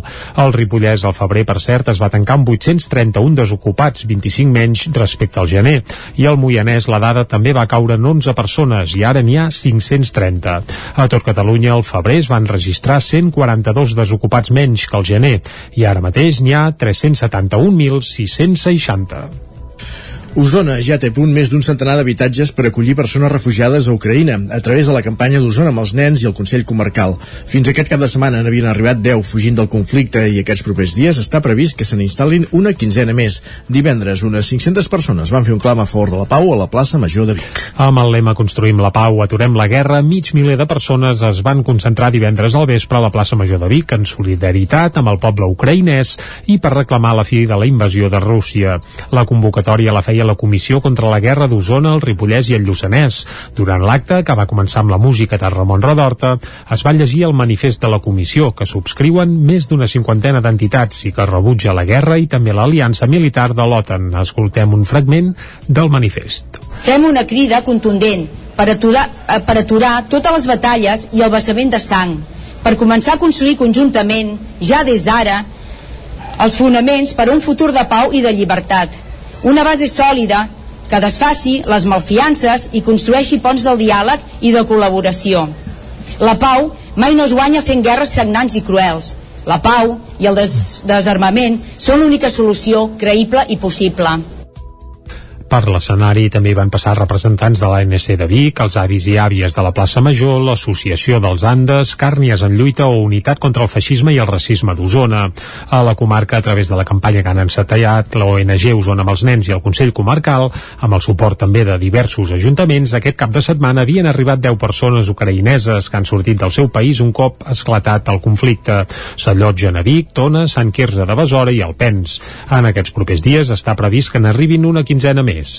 El registre d'habitatges que s'ha obert en la mateixa campanya per acollir refugiats ja n'hi ha més d'un centenar de disponibles. Fins ara també s'han recollit més de 1.000 euros en donacions econòmiques per ajudar els refugiats que s'aniran instal·lant a la comarca. I el Departament de Drets Socials s'encarrega de l'acollida a Catalunya de les persones d'Ucraïna que eren aquí de pas quan va esclatar la guerra i que ara no poden tornar a casa. Un dels punts d'allotjament és l'Alberg de Vic, on aquest cap de setmana hi havia una trentena d'ucraïnesos. La consellera de Drets Socials, Violant Cervera, que divendres va ser el programa i bona lletra del Nou TV, explicava que la Generalitat intenta posar-los en contacte amb la comunitat ucraïnesa local. Escoltem a Violant Cervera és evident que nosaltres el que hem de fer amb aquestes persones és posar-los en contacte amb les comunitats ucraïneses que viuen aquí, no només eh, per un tema també de mirar-se d'integrar al màxim possible doncs, el temps que estiguin aquí, sinó també per qüestions d'idioma i per explicar-los una mica mm, com, com es poden arribar a moure, perquè jo crec que una de les principals dificultats que també tenen és a l'hora de la tramitació de tota la documentació consellera, la consellera, volem dir, també alertava de les conseqüències socials que pot tenir aquí l'increment de preus derivat del conflicte. L'escoltem. I amb el que estem més, eh, més directament interpel·lats és amb tot el tema dels carburants. Ja estaven pels núvols, això afecta evidentment a tota la societat, evidentment sempre les persones més vulnerables, però a tota la societat, als, als sectors econòmics, a la pròpia administració, perquè també les despeses són molt més altes de les que tu tenies previstos amb els pressupostos D'altra banda, Cervera també va explicar que des del seu departament volen tirar endavant projectes per valor de 1.040 milions d'euros finançats amb els fons europeus Next Generation. Més qüestions, tres bacallaneries i vuit restaurants d'Osona participen a la tercera edició de Tast al Bacallà. La campanya estarà activa durant tota la quaresma. Tres bacallaneries de Vic i vuit restaurants de la comarca s'han sumat a la tercera edició del Tast al Bacallà, una iniciativa que impulsa la bacallaneria Creus de Vic amb l'objectiu de prestigiar la cuina i cultura del bacallà. Durant les set setmanes de la Quaresma, clients i comensals d'aquests establiments tindran a l'abast múltiples opcions per degustar bacallà com a ingredient principal. A part de poder-ne comprar a les bacallaneries, també hi ha vuit restaurants que n'oferiran el menú o a la carta. Són el Xic, el Mas Alvareda, Tombuctú, Idoni, la Taverna d'en Sidoro, Canton, el Tinell i el Divignus. Tot i que la iniciativa va néixer en plena pandèmia, la primera edició va quedar escapçada i la de l'any passat es va convocar de mínims, des de la bacallaneria Creus es mostren convençuts convençuts que la proposta té recorregut. Després del pilot Gerard Ferrés i de l'atleta Anna Comet, qui pren el relleu aquest any com a padrí de la campanya, és el jugador usonenc d'hoquei Sergi Panadero, que acumula amb el Barça i les diferents seleccions un palmarès impressionant. Panadero va reconèixer que no és consumidor habitual de bacallà, però després de conèixer la campanya ja va assegurar que provarà fins i tot de cuinar-lo. A més, va confessar que la seva filla és una gran fan dels bunyols, de bacallà, és clar. Esports. Més qüestions. El Medi Abuianà i Duia Ucabir es proclamen campions de Catalunya al cross organitzat pel Club Atlètic Caldes de Montbui. Caral Campàs, des d'Ona Codinenca. Els entorns de la Torre Marimón van ser l'escenari aquest diumenge del 8è Cross Club Atlètic Calderí, que enguany coincidia amb els campionats de Catalunya de cross individual i per equips. Els guanyadors individuals absoluts van ser el Mehdi Aboujanah del Futbol Club Barcelona, que va cobrir la distància de 4.000 metres en 10 minuts 56 segons. El segon classificat va ser Jordi Garcia del Club Atlètic Canovelles amb 11 minuts 5 segons i el tercer Mohamed Zarauni del Barça amb 11 minuts 13 segons. En dones el títol va ser per Doawe Obuokir, atleta independent que va fer un crono de 12 minuts 56 segons seguida de Marina Travé de de la Dara Lleida amb 13 minuts i 3 segons i Marina Guerrero de Manresa amb 13 minuts i 9 segons. Per equips, el Castillojo Running Team va aconseguir el títol en categoria masculina i l'agrupació atlètica de Catalunya en la femenina.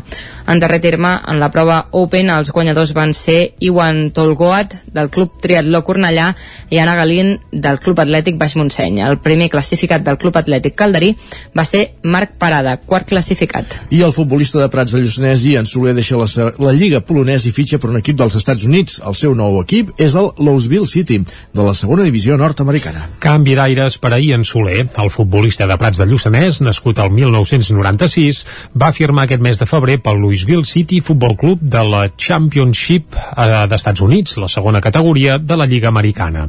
Soler es mostra molt il·lusionat amb aquest nou repte i destaca, i destaca el tracte familiar i fàcil que ha trobat a l'equip americà. Soler va firmar pel Louisville City l'1 de febrer i en els propers dies viatjarà ja cap als Estats Units per incorporar-se al seu nou club. Mentrestant, aquests dies ha aprofitat per tornar a casa, a Prats de Lluçanès, i també ha estat entrenant amb el Vic per mantenir la forma. El defensa havia jugat en els darrers mesos a Polònia, concretament amb els Aglivi Lubin, amb qui el passat mes de gener va rescindir el seu contracte. Soler ha passat per diversos equips al llarg de la seva trajectòria futbolística. Es va formar a les categories de futbol base de l'Adam i de l'Espanyol. Més endavant va fitxar per l'Almeria quan era juvenil i després va començar la seva aventura per terres europees. Primer, primer va anar al Fulham Football Club anglès.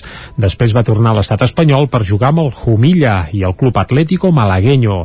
El 2017 va debutar amb el primer equip del Màlaga en un partit de Copa del Rei i abans d'anar a Polònia també va jugar amb l'MFK Zemlin Michalov de la Superliga d'Eslovàquia, una experiència per diverses lligues europees que Soler vol aportar en la seva nova etapa a Amèrica, a Louisville, molt a prop de Chicago. Per cert, el viatge al seu nou equip no el farà sol, estarà acompanyat pel porter espanyol Coque Vegas, que ja està fent la pretemporada amb l'equip americà, que precisament dirigeix Landon Donovan, considerat el millor jugador de futbol dels Estats Units.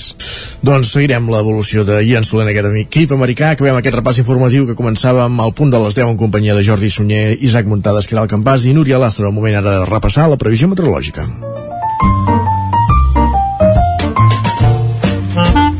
Casa Terradellos us ofereix el temps. I parlar de previsió meteorològica a Territori 17 és parlar amb en Pep Acosta. Va, ja el saludem de seguida. Pep, bon dia. Hola, molt bon dia a tothom. I molt bona hora. I ja portem uns quants dies amb el mateix panorama, eh? que, que hi ha una, una possibilitat de precipitació una mica important Uh -huh. i a la veritat cauen quatre gotes. Eh, jo no sé, ja no sé què pensar, ja, ja no sé, és que ja no sé què passarà avui. El que tinc clar és que les temperatures han baixat, eh, fa força fred aquest matí, la majoria de les mínimes entre 0 i 5 graus, i alguna glaçada i tot a les parts més altes del Pirineu. Molts núvols, i a la tarda encara més núvols i alguna precipitació. Uh -huh. Sembla que poc importants, però és que ja Fa de mal dir, eh? Mm, espero que algun lloc plogui una mica més del que està indicat. Ahir indicava més pluja i avui, que és el dia que, que ha de fer, eh, com deia, mm, ja els models indiquen menys pluja de la que està anunciada ahir. Eh, fa uns quants dies que, que, que passa això, no sé, no sé, no sé com és. I eh, les temperatures màximes, molt semblants als d'ahir, la majoria entre els 10 i els 13-14 graus. Això sí, eh, ha tornat l'hivern amb bastanta força, Uh -huh. fa bastant de fred, tant les mínimes com les màximes. Els vents entre febles i moderats, de direcció variable, eh, tenim aquest, eh, aquest petit sistema frontal sobre la nostra, eh, que, que, que, que és, és petit, eh? no, no, no ens provocarà, sembla molta pluja, però bueno, fa uns quants dies ara ja que ja no, no fa un sol allò esplèndid ni molt menys i tenim aquesta inestabilitat. Eh, núvols, ara quatre gotes, fred i serà la tònica de tota la setmana. No tindrem cap dia allò amb un sol espectacular. No, no, tota la setmana tindrem aquest temps. Moltes gràcies i demà ens tornem a escoltar. Aviam si aquesta tarda hi ha hagut una sorpresa i tenim una precipitació més destacada Aviam. moltes gràcies, adeu Vinga, gràcies a tu. Aviam, aviam, Aviam què fa aquesta tarda. Sí, ho anirem seguint, com sempre, amb en Pep Acosta. I ara anem de seguida cap a l'entrevista. Anem-hi. Som-hi. Casa Terradellos us ha ofert aquest espai.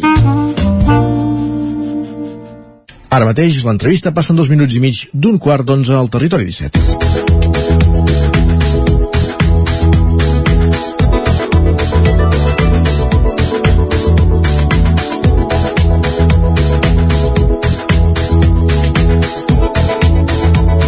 Avui a l'entrevista, com els avançàvem fa una estona, el que volíem és parlar sobre la síndrome de la impostora, una síndrome que es podria definir amb un titular ras i curt, ara aprofundirem en la qüestió, amb la falta d'autoestima per desenvolupar un lloc de treball en espais tradicionalment masculins, una síndrome, evidentment, que en aquest cas afectaria a les dones.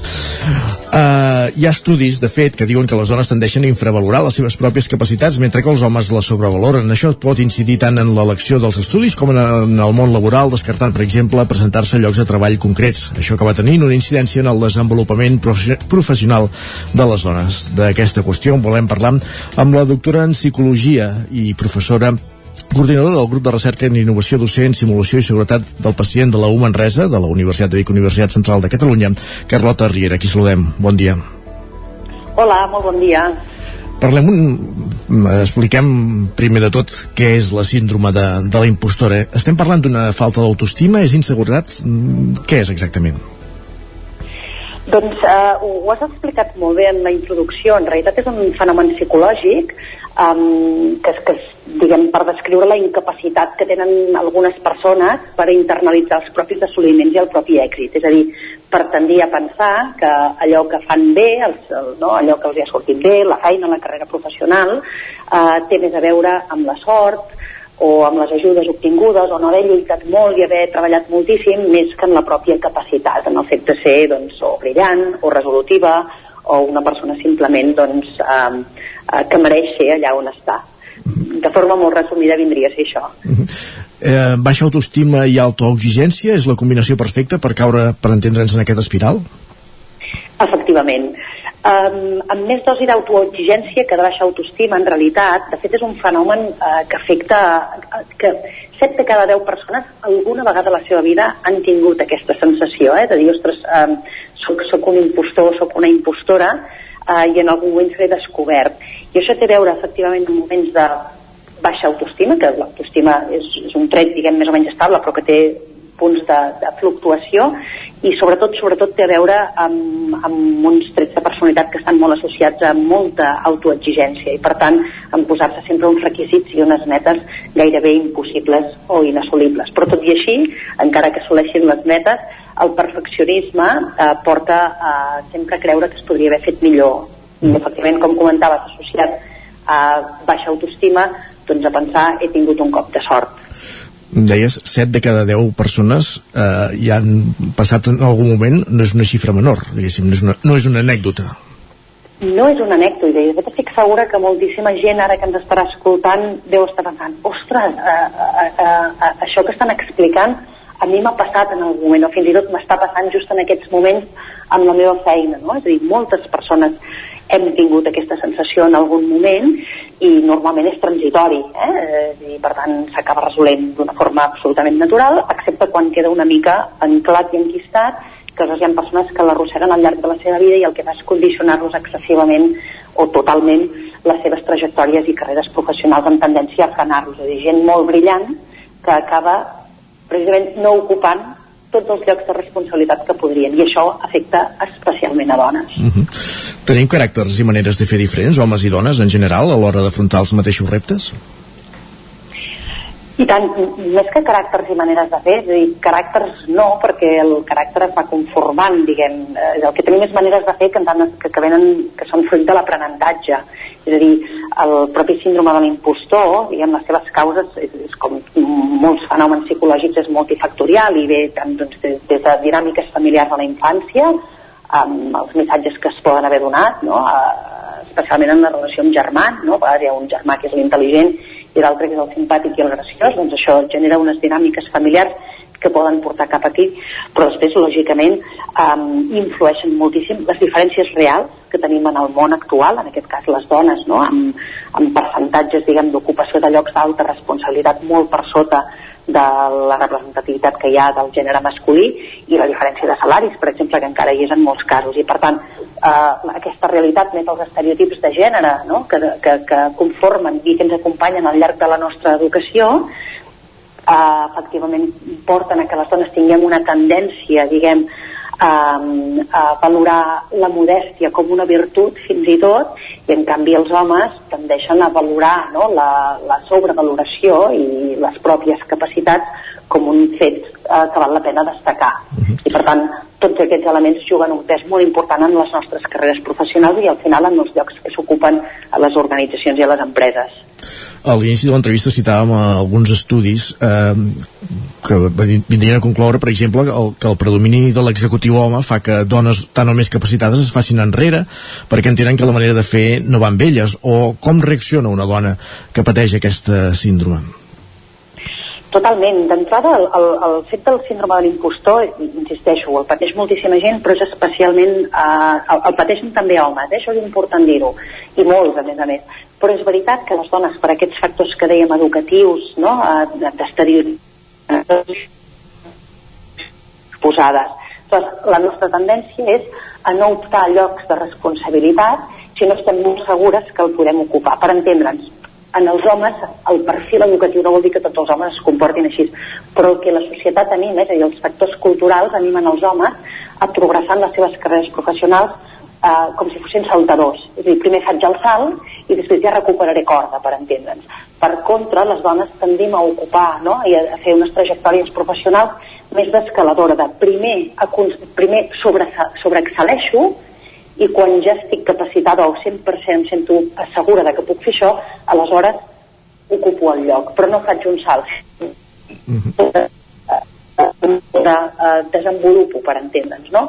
I per tant això condiciona molt en els moments i en les edats en què hi ha oportunitats laborals i per tant en moments de maternitat, uh, per suposat, que condicionen per sort cada vegada menys les famílies perquè es reparteix tot més, però condicionen molt uh, les vides laborals això associat a aquests estereotips, insisteixo, no? de que s'espera dels homes um, que, que, que es llencin a la piscina, fa que els homes tendeixin a sobrevalorar les seves pròpies capacitats i per contra les, les dones a infravalorar-les. I per tant tenim el caldo de cultiu perfecte perquè davant d'una oportunitat a dues persones absolutament igualment ben preparades l'home tendirà a apostar-hi o fer aquest salt endavant i la dona tendirà a valorar excessivament les seves capacitats davant i per tant probablement a quedar frenada. Com es detecta o es diagnostica eh, aquesta síndrome i quines eines es donen per, per sortir-ne? En realitat no es diagnostica, perquè de fet no està descrit com un trastorn psicològic i de fet en el manual eh, diguem de diagnòstic en psicologia, el DSM-5, no està categoritzat com a tal. Per tant, es, es descriu com un fenomen psicològic que és àmpliament conegut a nivell tant eh, de psicologia diguem acadèmica com, de, com a nivell popular, però no es diagnostica com a tal. De tota manera sí que és un, és, són, és un element que suma més en altres possibles problemàtiques que sí que poden requerir doncs, un tractament com podria ser una autoestima molt, molt baixa associada doncs, a, podria portar doncs, a, a patologies com depressió, per exemple. No? Uh -huh. En tot cas, sí que hi ha com uns estereotips, no? unes tipologies de, de, de, unes maneres de funcionar professionalment um, que, que estan més o menys, que Valerie Young va descriure en més o menys uns cinc tipus no? de, de personalitat i en tots els casos, diguem, el, la forma, diguem, de, de corregir-ho és una forma que també és social, és a dir, eh, de, de, per suposat que és treballant l'autoestima, però després hi ha tota una part no, de, recompo, de recomposar els estereotips de gènere que tots, que tots arrosseguem a les nostres motxilles i per tant en deixar enrere la falsa modèstia en acceptar les felicitacions la, les, les, les persones que pateixen el síndrome de fals impostor per exemple, quan se les felicita per un assoliment, acostumen a dir no ha estat res, o no, si ha sigut cosa de tots o, bueno, hem tingut una mica de sort en lloc de dir simplement moltes gràcies, no? I per tant, normalment, tot i que no està diagnosticat, quan les persones que pateixen i perquè es pateix en solitud, no? aquesta sensació de que en algun moment se'm descobrirà que no sóc tan intel·ligent o que no sóc tan capaç com tothom pensa que sóc, eh, moltes vegades aquestes persones eh, eh, eh, busquen ajuda professional i Carlota, uh, Carlota, tens 3 minuts, és que hem de fer una pausa per publicitat, reprenem l'entrevista després. Perfecte. El nou FM, el nou FM. Rètols 2A. Experts en comunicació visual Rètols, banderoles, vinils, impressió, plaques gravades, senyalització, displays... Rètols Dos Art. Ja són 25 anys al vostre servei. Ens trobareu a la carretera de Vic a Olot, número 7, al polígon Malloles de Vic. dosartvic.com Telèfon 93 889 2588. Ara ens toca lluitar pel català. També al món digital. Perquè la tecnologia prengui part de la nostra llengua, n'hi hem d'ensenyar. Amb totes les nostres veus i amb tots els nostres accents. És hora de conquerir nous territoris i d'aconseguir entre tots que el digital parli català. La nostra llengua és la teva veu. Comparteix-la a projectaina.cat. Generalitat de Catalunya. Cobertes serveis funeraris. Els nostres tanatoris estan ubicats en els nuclis urbans més poblats de la comarca d'Osona per oferir un millor servei. Tanatori de Vic, Tanatori de Manlleu, Tanatori de Centelles i Tanatori de Roda de Ter. Sabem que són moments difícils i per això el nostre compromís és atendre-us en tot moment amb un tracte humà, sensible i respectuós. Cobertes serveis funeraris. Telèfon 24 hores 93 883 23 46. A la rostisseria El Plat ens agrada la cuina de sempre, la de les àvies i de les mares, la cuina feta amb paciència com s'ha fet tota la vida. Vine a provar els nostres canelons gruixuts o els croquetons, les nostres croquetes de 80 grams, i recupera el gust del pollastre a com els que es menjaven abans. Ah, i aprofita, fins a finals de febrer, 20% de descompte en els canelons i el pollastre. Rostisseria El Plat, encàrrecs fins a les 12 del migdia i servei a domicili. Ens trobaràs de dijous a diumenge al carrer Església número 6 de Taradell o al 93 135 58 85. Gràfixer, el seu proveïdor global en rotulació i impressió digital. Oferim servei de disseny, producció i instal·lació de qualsevol projecte en rotulació industrial i comercial. Rètols corporis, senyalització preventiva, senyalització viària, senyalització interior de naus, vinils decoratius per a oficines i establiments comercials, rotulació de vehicles... Confiï en els serveis que li pot oferir Gràfixer. Ens trobarà al carrer Lleida 39 de Vic o a gràfixer.com. Cocodril Club. Si t'agrada la bona música dels anys 60, 70 i 80, escolta el 9 FM als matins de dissabtes i diumenges d'11 a 1. És el temps del Cocodril Club, tot un clàssic de la ràdio, amb les bases del pop-rock, les llegendes, les cançons que s'han convertit en autèntics himnes. Recorda, dissabtes i diumenges al matí, d'11 a 1, al 9 FM 92.8. Cocodril Club, el programa revival de l'Albert Malla. Hasta luego, cocodrilo. El nou FM. En punt ara mateix, dos quarts d'onze al territori 17. Reprenem l'entrevista que estàvem fent sobre la síndrome de la impostora. En parlàvem amb la doctora en Psicologia, experta en salut pública, professora de la Facultat de Ciències de la Salut de la U Manresa i coordinadora del grup de recerca en innovació, docent, simulació i seguretat del pacient del campus U Manresa de la UBIC UCC. Carlota Riera, reprenem, com dèiem, aquesta entrevista. Estàvem parlant de com es detecta eh, aquesta síndrome i quines eines es donen per sortir-ne. Sí, eh, el que estàvem comentant és que normalment és una síndrome que va acompanyada d'altres elements, es detecta normalment per dones, doncs molt, normalment amb dones, comentàvem abans, eh, perfeccionistes, eh, que creuen que han de ser superwomans, no? superexpertes, i que, insisteixo, que malgrat eh, no sigui un diagnòstic específic en psicologia, quan busquen ajuda professional, normalment s'aborda des de la millora de l'autoestima, el treball de la modèstia, el revisar les pròpies carreres professionals i per tant reconstruir una miqueta els estereotips de gènere que també van associats a aquesta síndrome. Perfecte, doncs moltíssimes gràcies per atendre'ns avui i en aquest 8 de març per parlar d'aquest fenomen, d'aquesta síndrome, de la síndrome de la impostora. Gràcies per ser avui al Territori 17. Moltíssimes gràcies a vosaltres. Bon dia. Com dèiem, Carlota, adéu-siau, com dèiem, Carlota Riera, doctora en Psicologia i coordinadora del grup de recerca en innovació, docent, simulació i seguretat del pacient de la U Manresa, del campus U Manresa de la Universitat de Vic. Res, 30 segons i entrem a una tertúlia, una tertúlia avui protagonitzada per dones. Territori 17. Envia'ns les teves notes de veu per WhatsApp al 646 079 023. 646 079 023. WhatsApp Territori 17.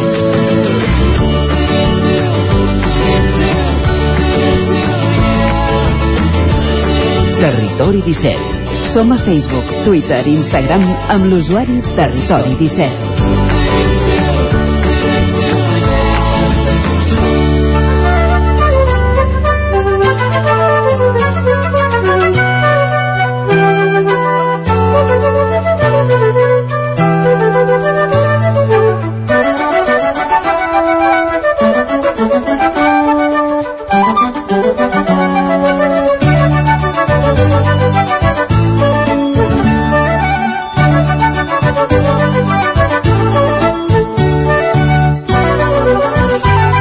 Com us explicàvem avui al Territori 17, volem fer una tertúlia amb dones, eh, avui per, per parlar de qüestions relacionades amb aquest 8 de març amb el Dia Internacional de les Dones.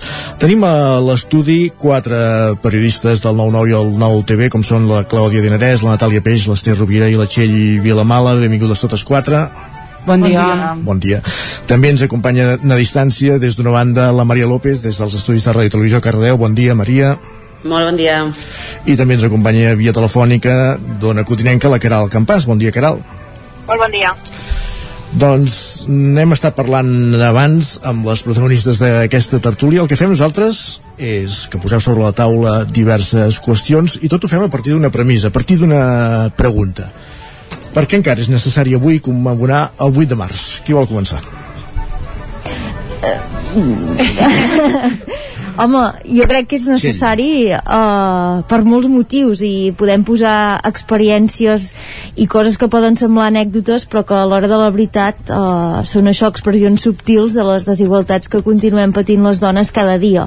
Per exemple, el 9-9 d'aquest dilluns uh, nosaltres publicàvem un reportatge amb 11 nenes de la comarca d'Osona que ens explicaven que encara es troben uh, que a l'hora del pati si volen jugar a futbol els nens els hi posen pros que no, no són gaire assertius a l'hora de deixar-les entrar al camp o que si juguen a mata conills a l'atrapada primer eh, sempre intenten eliminar-les amb elles. O per exemple una nena de Centelles ens deia que porta els cabells curts i que per això a vegades s'ha hagut de sentir comentaris estúpids de, que porta un pentinat de nen.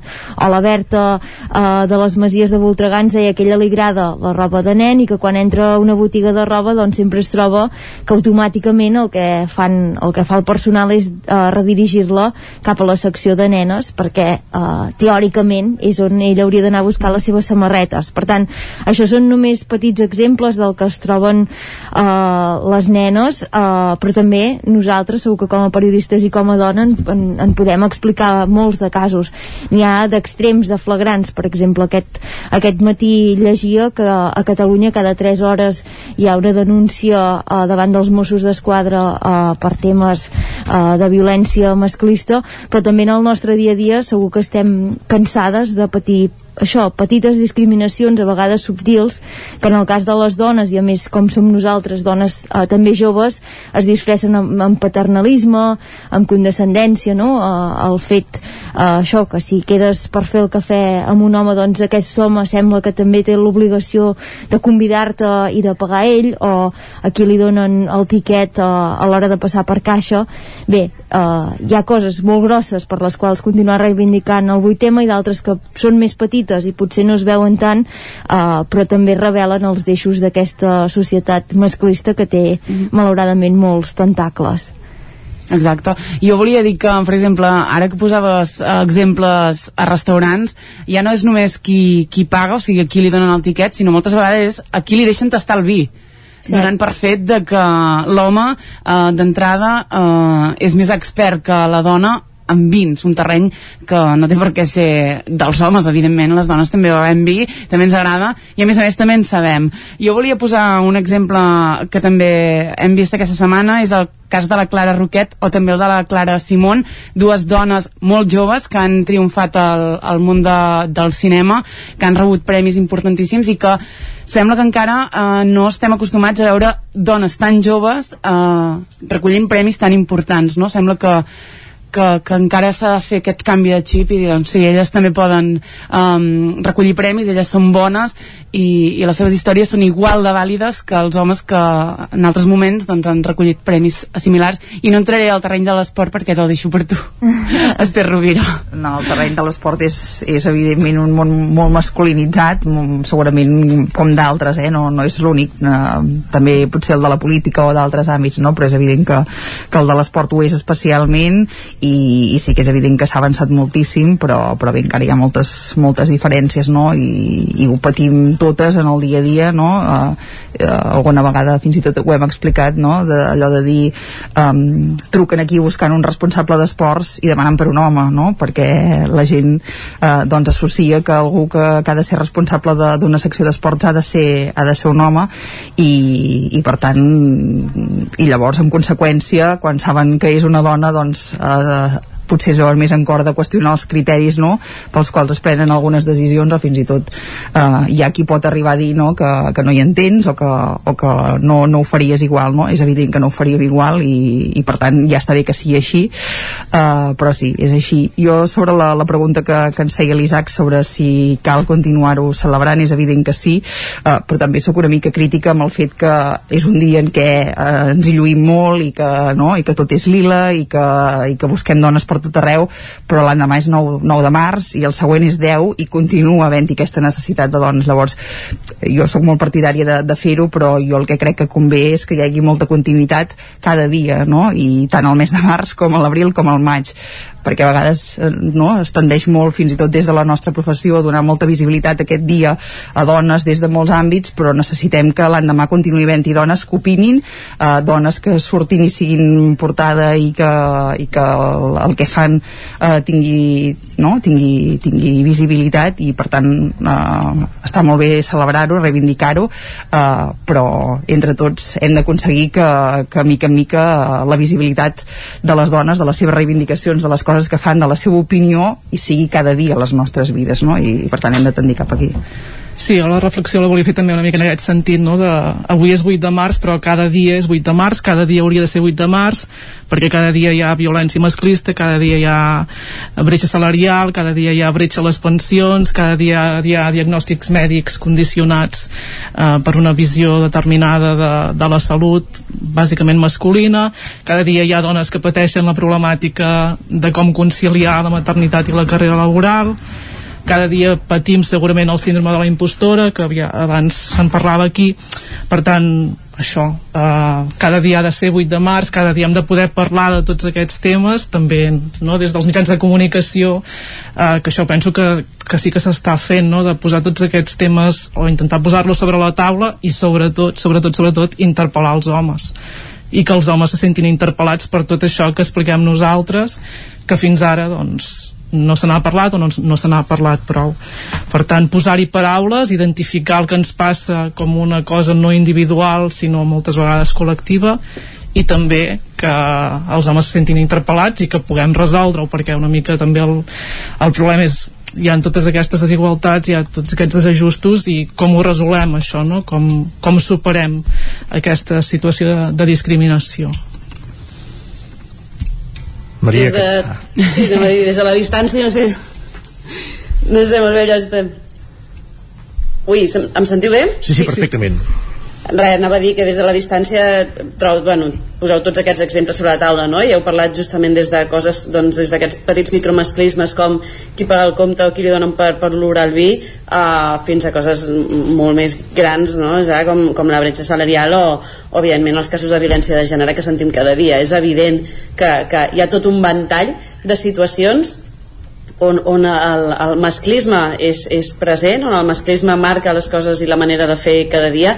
I mentre sigui titular que una dona hagi guanyat X premi o, o això ens continuï cridant l'atenció mentre haguem de fer un esforç extra per ressaltar l'esport femení mentre haguem de fer un esforç extra per fer un llenguatge més inclusiu quan donem les notícies mentre encara ens trobem totes aquestes situacions on haguem de replantejar-nos les notícies que donem i com les donem és que alguna cosa no està del tot no està del tot feta, que tenim feina i com bé dèieu, la tenim cada dia.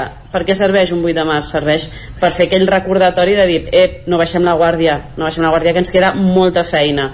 I si ens queda molta feina aquí que ens considerem un país lliure en molts aspectes imagineu-vos el que podem fer també en representació a les dones de molts altres països que no tenen la possibilitat de sortir a manifestar-se Sí, jo mm, volia comentar que de les coses que tinc més clares eh, de, de la necessitat del feminisme, que vull dir que és de la que Caral, diguem, si et pots moure buscar millor curta, et sentim molt, molt justa, diguéssim. I amb ara?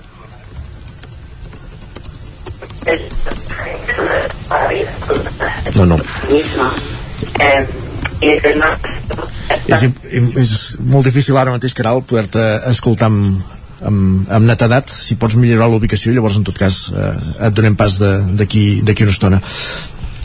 Uh, això no sé com eh, vosaltres mateixos heu fet una primera introducció no sé si voleu acabar de bueno, complementar eh, altres qüestions que inter, interpel·lar, interpel·lar-vos entre vosaltres mateixes i, i fomentar una mica de debat al, al respecte de, de, de que han sortint sobre la taula sobre això, per exemple, de la síndrome de l'impostora penso que realment ens afecta moltíssim i ens condiciona moltíssim en el nostre dia a dia per exemple en els mitjans no? Uh, segurament totes ens hi hem trobat moltes vegades de buscar dones uh, per tertúlies o, o, o fins i tot per, per notícies o articles d'opinió i costa moltíssim perquè la, el grau d'exigència que ens autoimposem per fer una cosa és molt més elevat que el que es posa un home no? vull dir que nosaltres ens qüestionem si estem preparades, si som la persona adequada si el que direm uh, és el que, no? el que s'espera que es digui uh, i moltes vegades ens acabem condicionant nosaltres mateixes a l'hora de, de fer una cosa no? uh, i moltes vegades uh, acaben repetint moltes dones sempre les mateixes perquè acaben fent un esforç per dir ho faig perquè ho he de fer perquè sóc dona i perquè la nostra veu hi ha de ser no? però que moltes vegades nosaltres mateixes ens limitem perquè ens autoexigim moltíssim no? mm, bueno, perquè segurament estem condicionades per aquesta visió que sempre uh, ha tendit a, a menys tenir la nostra no? d'opinió i això penso que sí que, que hi és molt present en, en el món, per exemple nostre, eh? en el món de la, de la comunicació quan busques dones per, per donar la seva opinió sobre molts temes també penso va vinculat una mica també amb un sentiment que també últimament se n'està parlant un, molt, que és el sentiment de culpa que tenim les dones en molts àmbits, eh? en el laboral però també en el, en el personal també es pot vincular amb la maternitat no? el fet d'haver de ser a tot arreu i haver-ho d'intentar fer tot bé també hi ha el mite aquest de la superdona que va sobrevolant per aquí vull dir que tot va una mica relacionat no?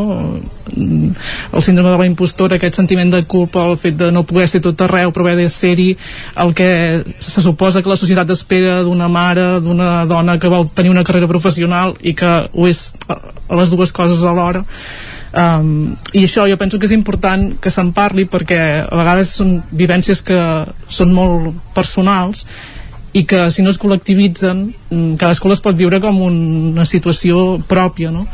i parlar-ne i posar-ho sobre la taula doncs va bé per fer un primer pas de, de visibilitzar-ho i de veure que no, no és una qüestió particular sinó que és una qüestió doncs, que, que és més universal però que no, que no se'n parla i que no se n'ha parlat massa fins ara o no hem sabut eh, sentir les veus que ja ho deien perquè de fet no, si mires també la història del feminisme vas molt enrere i veus que fa 30, 40, 50 anys es deien coses que, que estem dient ara. Vull dir que la invisibilització és, és important. I, i llavors Sobre... potser uh, Endavant, endavant. Sí, perdona. No, no va dir sobre això, estava parlant de tot el tema aquest de la, de la sensació aquesta de la superwoman, no? Sempre tinc molt la sensació de que sobretot segons quina generació hem, hem crescut ja on se'ns ha no imposat, però sí que hem tingut més la idea de que havíem de tenir una carrera professional exitosa sense baixar la guàrdia amb la resta de coses i això ens ha acabat el que deia una mica ara no? generant aquesta autoexigència brutal i, i jo avui així com a exemple personal eh, que m'he trobat una situació super tonta amb mi mateixa que era em vaig fer consciència i no, no, demà fas vaga demà et quedes a casa i tal i el primer que he pensat aquest matí és mira, ja que et quedes pots aprofitar per fer no sé quantes rentadores, per fer la compra no sé què i se m'ha fet una llista de coses que dius és que, és que tu mateixa t'estàs auto omplint la motxilla d'una exigència de has d'estar a tope a la feina i un dia que no hi vas perquè si es fer vaga has de ser la supermare i la superama de casa, no? I és com, què, què, ens, estem, què ens estem fent a nosaltres mateixes? Totalment, és que tota la raó, no? Quantes jornades laborals fem les dones? Uh, no ho sé, la feina una, a casa una altra i segurament a un altre lloc potser encara n'hi podríem sumar una tercera. I tota la raó amb el que dius tu, Maria, també amb els arguments que donàveu a la Natàlia i l'Ester i està bé el, el que deies d'interpel·lar tota la societat, d'interpel·lar també sobretot els homes, però també aquesta feina que hem de fer nosaltres primer de, de creure'ns-ho i de que quan es pengen el telèfon i ens fan una oferta això per participar en una tertúlia o per escriure un article d'opinió doncs siguem les primeres eh, disposades a dir que sí eh, perquè també hi ha aquesta part de, de nosaltres de creure'ns-ho, tot i que com bé dèieu és veritat que aquesta herència que carreguem sobre les espatlles, aquest imaginari exigeix treball cada dia, cada dia i sobretot... ser-ne ser conscient també no? que, que, que aquest... és el que costa perquè tu pots pensar que, que no ho fas perquè realment doncs, no, no tens la capacitat. I, i ja et poses en la situació de va, provem-ho, intentem-ho. El que passa que sí que és evident que s'han fet moltes passes endavant perquè amb això que dius de ser-ne conscient eh, segurament debats que ara estem plantejant fa només 10 o és igual 20 anys o si voleu més enrere 30 eren impossible de posar sobre la taula. Per tant en aquest sentit que totes nosaltres i també les nenes, les noves generacions siguin cada cop més conscients a l'hora de detectar micromasclismes o grans situacions de discriminació eh, és el canvi més important segurament, evidentment llavors han de venir les polítiques que ho acompanyin no? però aquesta primera presa de consciència és, és vital. A mi em preocupa una mica però els passos reals que fem en termes de feminisme perquè sí que és veritat que està molt bé que parlem del 8 de març i que ho tenim tot de color lila, que ens fiquem en llaç que avui tots siguin dones i que siguem les grans protagonistes del dia sí que penso que demà hauria de continuar i em preocupa una mica els passos reals que es fan, amb què ho, o sigui, amb, amb què ho materialitzem tot això, perquè sí que és veritat que eh, la conscienciació eh, hi és, la sensibilització hi és, la interpel·lació als homes entenc que des del meu punt de vista eh, hi va sent. Eh, penso que les generacions es van, van entenent no? quina és la lluita feminista però ho veiem això, traduït això en polítiques. A la feina ho veiem eh, la feina hi ha hagut algun canvi des de que la lluita feminisme ha agafat força? A mi personalment és el que em preocupa. Si tot això eh, s'acabarà eh, materialitzant. No sé què en penseu vosaltres d'això jo penso que costen de veure aquests canvis. També penso que, que hi ha estructures molt, molt, molt institucionalitzades molt definides que mm, fer les coses de manera diferent costa eh, és, és complicat. O sigui, les dinàmiques arrosseguen molt en l'àmbit laboral, per exemple jo penso que, que sí. Però bueno, és això, és ser-hi, és sempre fer no? un esforç més, un plus més intentar buscar una altra manera de, de mirar de, de funcionar, d'organitzar i creure-s'ho i després també crec que hi ha un element a vegades que, que hi ha com certa hostilitat al feminisme no? i fins i tot hi ha dones que, que diuen jo no sóc feminista però també és difícil no? vull dir lluitar i pretendre que col·lectivament s'arribin a uns objectius eh, no? que, que fa molts anys pels, pels quals eh, doncs es treballa que no sigui des del feminisme llavors també s'està lluitant eh, jo crec una mica contra aquesta adversitat que, que hi ha eh, contra el propi moviment i no només ve des de, des de um, homes i des de mirades masclistes sinó fins i tot també en el cas de dones eh, que, que diuen, és que jo no sóc feminista Totalment, no? sí, sí, això passa i molt. això passa moltíssim i penso que, bueno, que també ens ho hem de qüestionar no? si, si es pot eh, doncs, eh, pretendre assolir el que es pretén assolir sense el feminisme i a vegades en dies com avui també penso que està bé que ens ho plantegem no? perquè és un discurs que també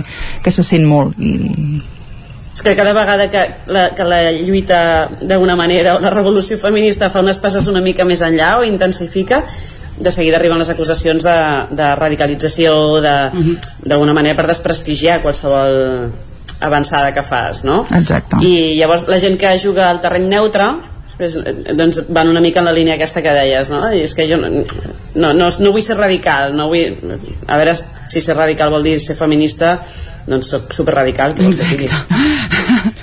i també és preocupant no, el, el discurs de l'extrema dreta en aquest sentit i si aquests eh, postulats arriben a tenir capacitat de decisió en governs no? perquè eh, sí que això no. fa, fa una mica de por que I els passos endavant que s'hagin pogut fer políticament eh, puguin anar enrere amb, amb un res i no res. I al final això sent conscients que nosaltres ho diem des del privilegi de ser dones del primer món, uh, perquè si posem el focus a l'òptica en altres països uh, no, no fa falta parlar no, del fet de ser dona, a més a més ser jove, uh, ser d'origen estranger, per exemple, uh, tenir un entorn socioeconòmic de pocs recursos, uh, llavors uh, això la, la pobresa, la desigualtat encara, encara es materialitzen més.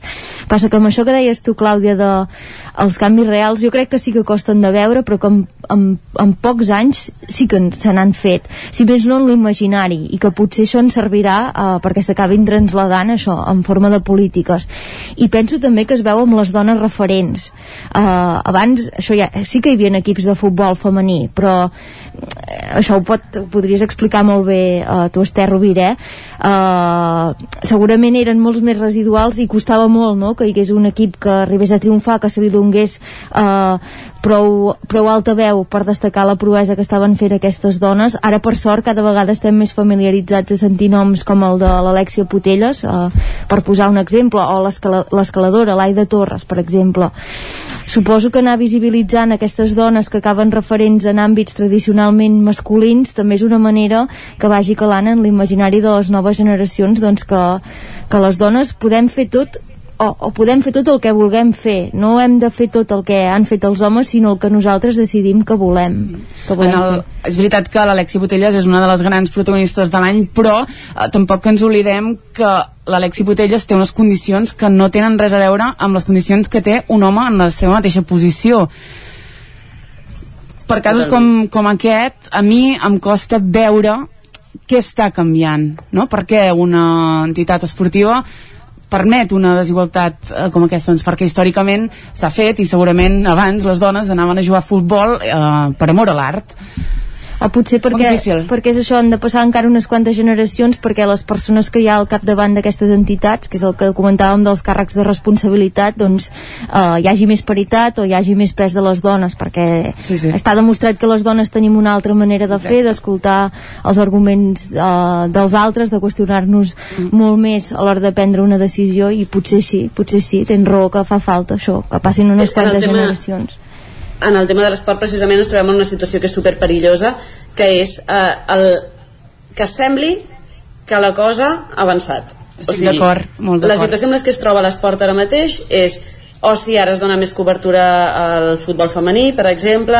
eh, més mitjans els cobreixen, hi ha més titulars, bla, bla, bla, bla, però, com bé dèieu, a nivell salarial, a nivell situació, una altra discussió és si, si és lògica la situació dels populistes de, de, a nivell econòmic, eh, que pot ser molt, des, molt desorbitat. Però aquest debat a part, en el cas de les dones, de les jugadores, no estan al mateix nivell. Però què passa? La visió de cara a la societat és que la cosa ja està que poc, poc falta no? perquè tinguin la mateixa cobertura que els homes i això pot crear una falsa idea de que la cosa s'ha equilibrat uh -huh. i que amb això ens relaxem a l'hora d'exigir jo volia dir... S'ha d'anar molt en compte amb aquestes eh, falses igualdats, diguéssim. Sí, sí, jo volia afegir que justament um, som molt lluny perquè mm, d'entrada l'únic club que realment hi ha apostat és el Barça per la professionalització de, de la seva uh, secció femenina no? de, de futbol i que no en té, per exemple, amb handbol o, o amb hoquei patins. Vull dir que imagina't si, si som lluny no? de, de que es pugui considerar que ja està fet. Per tant, és evident que no, però també s'ha d'explicar que no i que només s'ha apostat per al futbol femení i que no en tenen amb altres seccions d'equips uh, femenins el Barça. Vull dir que imagina't la resta de, de clubs que podrien fer-ho i no ho han fet, no? Tornem a incor intentar incorporar la Caral, que s'està movent per, pel Moianès, i amb si té millor cobertura per fer, si, si més no, una aportació, Caral. Sí, uh, no sé si, a veure si em sentiu millor ara. Ara millor, sí. Uh, sí. D'acord. No, no, potser me'n vaig una mica enrere amb el debat, però jo, jo el que volia comentar i uh, recollir una mica el que preguntava l'Isaac al, al principi és que crec que sí que és cert que, que hem avançat molt, uh, però, però encara tenim conceptes com els que heu anat dient, no? com sostre de vidre, no? síndrome de, de l'impostor, bretxa salarial, micromasclismes, fins i tot um, amb la Covid-19 um, hi han um, efectes secundaris de, de la vacuna com um, um, problemes amb, amb la menstruació que, que es destilota una mica que, que no s'ha no estudiat que l'estudi científic s'ha fet des d'un punt de vista doncs, més, podríem dir, masculí i, i no s'ha tingut en compte. Només potser amb la vacuna de la Covid-19, sinó molts altres estudis eh, mèdics. Um, llavors, jo crec que, que sí que s'ha avançat, però, però encara tenim conceptes, qüestions com aquestes que, que denoten que és necessari el, el feminisme. Um, no només en l'entorn laboral, també com comentàveu, o amb l'esportiu, uh, sinó també en els espais d'oci. Uh, veiem cada dia um, té qüestions com assetjament, com violacions, eh, i bé, jo, jo crec que és una cosa que s'ha d'anar treballant. I sí que tenia una pregunta a llançar-vos, que no sé si és massa... ja, ja no queda gaire temps, però uh, jo crec que i agafant la línia de que uh, cada dia és, és 8M, uh, en dates com avui hi ha, hi ha marques o, o fins i tot uh, um, homes que, que aprofiten aquesta tirada per, per mostrar-se com, entre cometes, com aliats. Uh, I això a mi personalment em fa bastante ràbia i no sé com, com ho veieu la resta, si, si esteu d'acord amb mi que, que hi ha això, marques o, o bueno, persones concretes que, que aprofiten aquest dia per blanquejar una mica. Totalment. Totalment. Sí, sí, sens dubte. A més, a més canta molt, no? I una cosa és l'home conscienciat amb la lluita feminista i una altra cosa és el rentat de cara del 8 de març, no? que ens el trobem amb altres jornades, com la del 28 de juny amb tot el moviment LGTBI. És, de cop tothom eh, és molt defensor i treu la bandera, no? I el dia següent ja està, seguim amb el nostre disc. Caral, i ara que parlaves de l'àmbit de la salut, també, re, un apunt en el cas de la justícia, em sembla fortíssim que hi hagi dones que eh, s'atreveixen a fer el pas d'arribar a denunciar una agressió o un cas de violència masclista, siguin els termes que sigui, i que encara se senti qüestionada eh, per part, eh, això, per exemple, del jutge, no?, de quina roba portava, de quin comportament va tenir, de si havia begut, no havia begut. Això eh, em sembla tan denigrant Terrible. i tan trist que també menció part per, per totes aquestes esferes judicials. Sí. Noies, Total- Maria, última intervenció i acabarem? Digues, digues. Uh, no, que deia que, que totalment d'acord amb el que deia la, la Txell eh, i fins i tot amb conceptes de fins on està el límit de violació o agressió sexual um, i aquesta diferenciació amb la pena que li recau a la persona agressora uh, aquests límits uh, una mica mm, bueno, que estan establerts a la llei però, però que penso que, que la persona que, que ha fet el pas endavant es pot sentir uh, menyspreada per, pel, per, per aquest fet de, de que se li, se li posi una pena o altra a l'agressor segons uh, si es considera agressió sexual o violació quan penso que totes dues coses són igual greus. Caral Campàs, Clàudia Narès, Maria López, Natàlia Peix, Esther Rovira i Txell Vilamala, gràcies per respondre a aquesta pregunta. És evident que el 8 de març cal continuar commemorant-lo. Gràcies per ser avui al Territori 17 i bon 8 de març. Que vagi molt bé. Bon dia. Gràcies. Nosaltres continuem al Territori 17, ara que pràcticament són al punt de les 11, però saludem tot seguit amb Manel Dot i parlem de natura, parlem de meteorologia, aquí al vostre Territori 17 de cada dia. Territori, Territori 17. 17. Territori 17.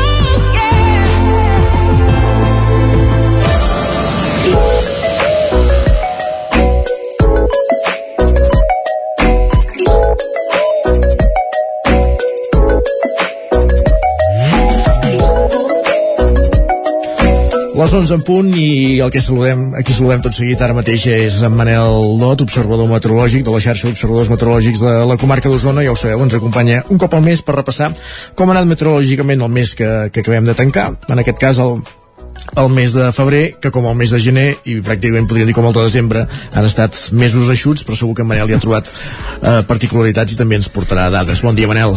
Bon dia, ja plourà, no patiu. Ah, sí. sí, home, sí. Segur?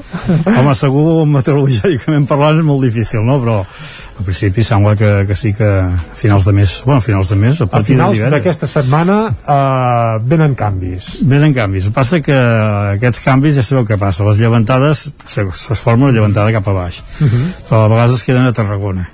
A principi sembla que té de pujar, i si puja jo crec que regarem i bé. De, tindrem 4 o 5 Home, dies bons. doncs, Ara, esperem. esperem. Convindria, convindria.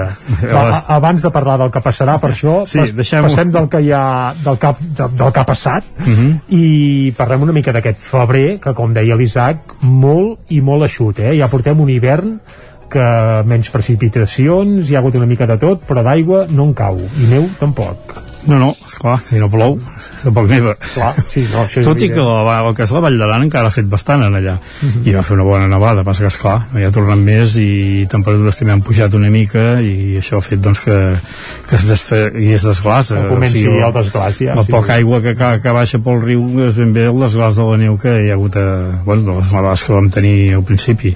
Sí, sí, el novembre van ser, eh? encara era Mhm. la tardor, aquelles Sí, sí, nevades sí, sí. importants, i el que es veu al Pirineu encara ara, Mhm. molt és d'aleshores, no? El gener va ser fred, eh, el febrer ja, ja bueno, tenia unes, unes temperatures molt altes, i al març doncs, el que hem tingut bueno, ha seguit la, o sigui, hem tingut aquests tres mesos els tres mesos d'hivern que han estat els, els més eixuts des de que hi ha dades o sigui, Atenció, els més eixuts des que tens dades, Manel, que això és sí. de gairebé Sí, sí, mitjans sí. del segle passat, l'hivern més eixut de la història. Sí, doncs són cap a 70 anys. Doncs, doncs això ja tenim el titular aquí que els tres és mesos espectacular. sí, sí, els tres mesos han set mira Vic per exemple i, eh, i sobretot el que és de Vic a Navall Vic, Centelles, eh, Viladrau eh, el que és eh, el Moianès Sí, la zona també sud, el Moianès, també, el Vallès zones, Oriental, la zona nord. sí, sí. Mhm. ha estat doncs, la més seca i a Vic per exemple eh, destacar, mira eh, el desembre van caure 0,4 litres o sigui no va arribar ni a mig litre el gener va caure 3 litres i el febrer 2,4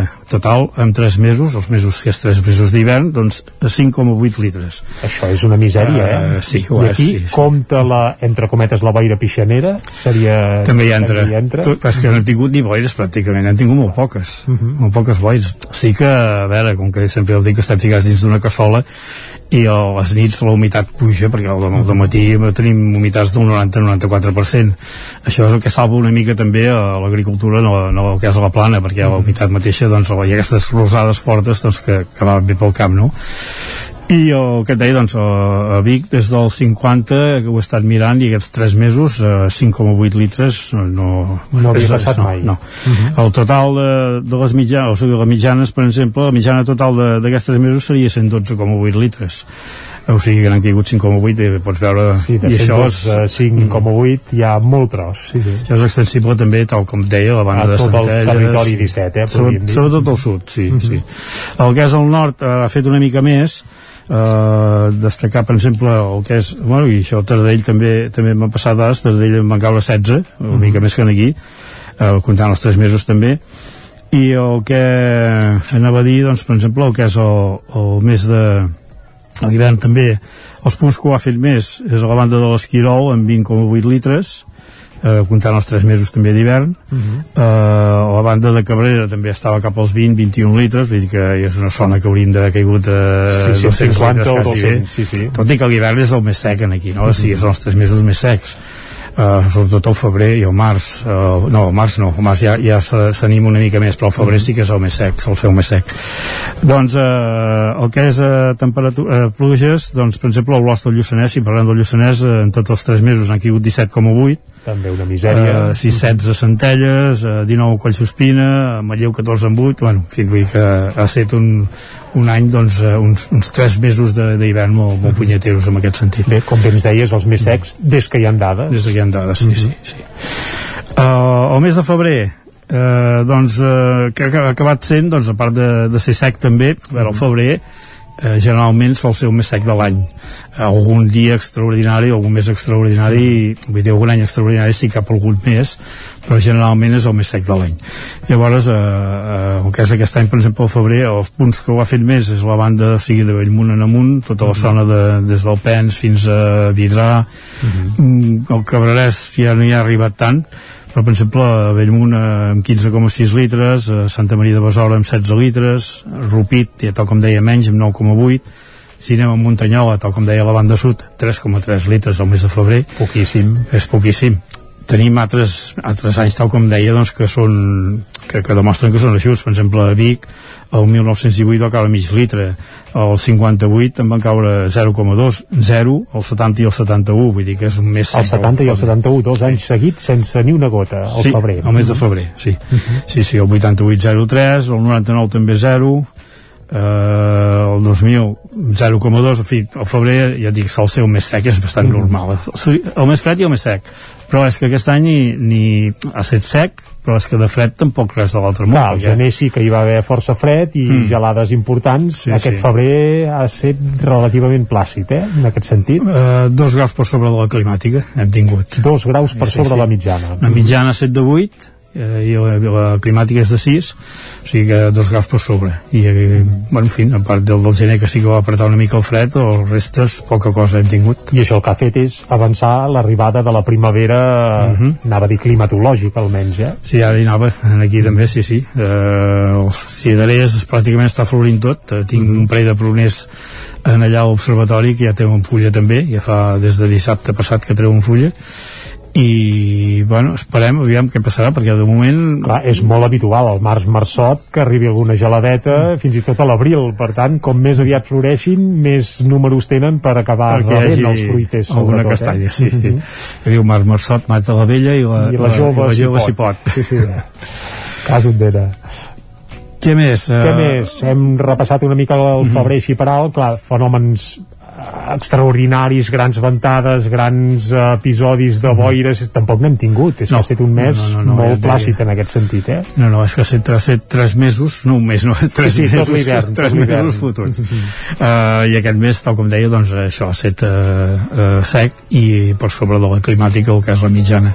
Uh, algun dia va pujar força la temperatura a les màximes, hem tancat entre 16 i 17 graus, mm -hmm i, aviam si tenim sort tal com deia i canvia el temps perquè si no el tenim malament Va, doncs, ja per, per, per acabar Manel, fes-nos aquest titular si arriba l'aigua, quan ha d'arribar? si ens posem al calendari, què estem parlant? del cap de setmana, aquestes pluges doncs, importants que ens sí. augures? Sí, sí. sí? Si ens arriba aquesta llevantada uh mhm. -huh. que al principi sembla que la tendència és a pujar doncs a partir de divendres tindríem aigua i, I durant uns quants dies has dit? Ben bé, 4, 4 o 5 dies serien... Carai Ara, posem entre cometes. No, no, evidentment que ho anirem seguint mm -hmm. i Manel, moltes gràcies per passar per Territori 17, t'esperem el mes que ve a fer balanç d'aquest març, mm -hmm. marçot, aviam si ha matat la vella i la jove si pot, esperem que no, però el que sí que esperem és que vingui una mica més regat mm -hmm. i que, com ens comentaves, tenim l'hivern més sec des que hi ha dades, això mm -hmm. és uh, brutal, doncs tant de bo es pugui revertir aquesta tendència, perquè la veritat és que la boscos i uh, camps, ja no diguem, però tots en general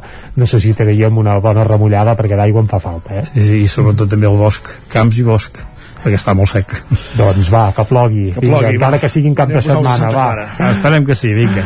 Moltes va. gràcies, Manel. Gràcies a vosaltres, bon dia. I nosaltres seguim ara a Territori 17, quan passen 9 minuts de les 11 del matí, i el que farem, Isaac, és fer un butlletí eh, contra temps, eh? Allò pim-pam-pum, sí? Ben rapidet. I després passarem... ens actualitzem al Territori 17. Vinga, anem-hi. Territori 17 amb Isaac Moreno i Jordi Sunyer.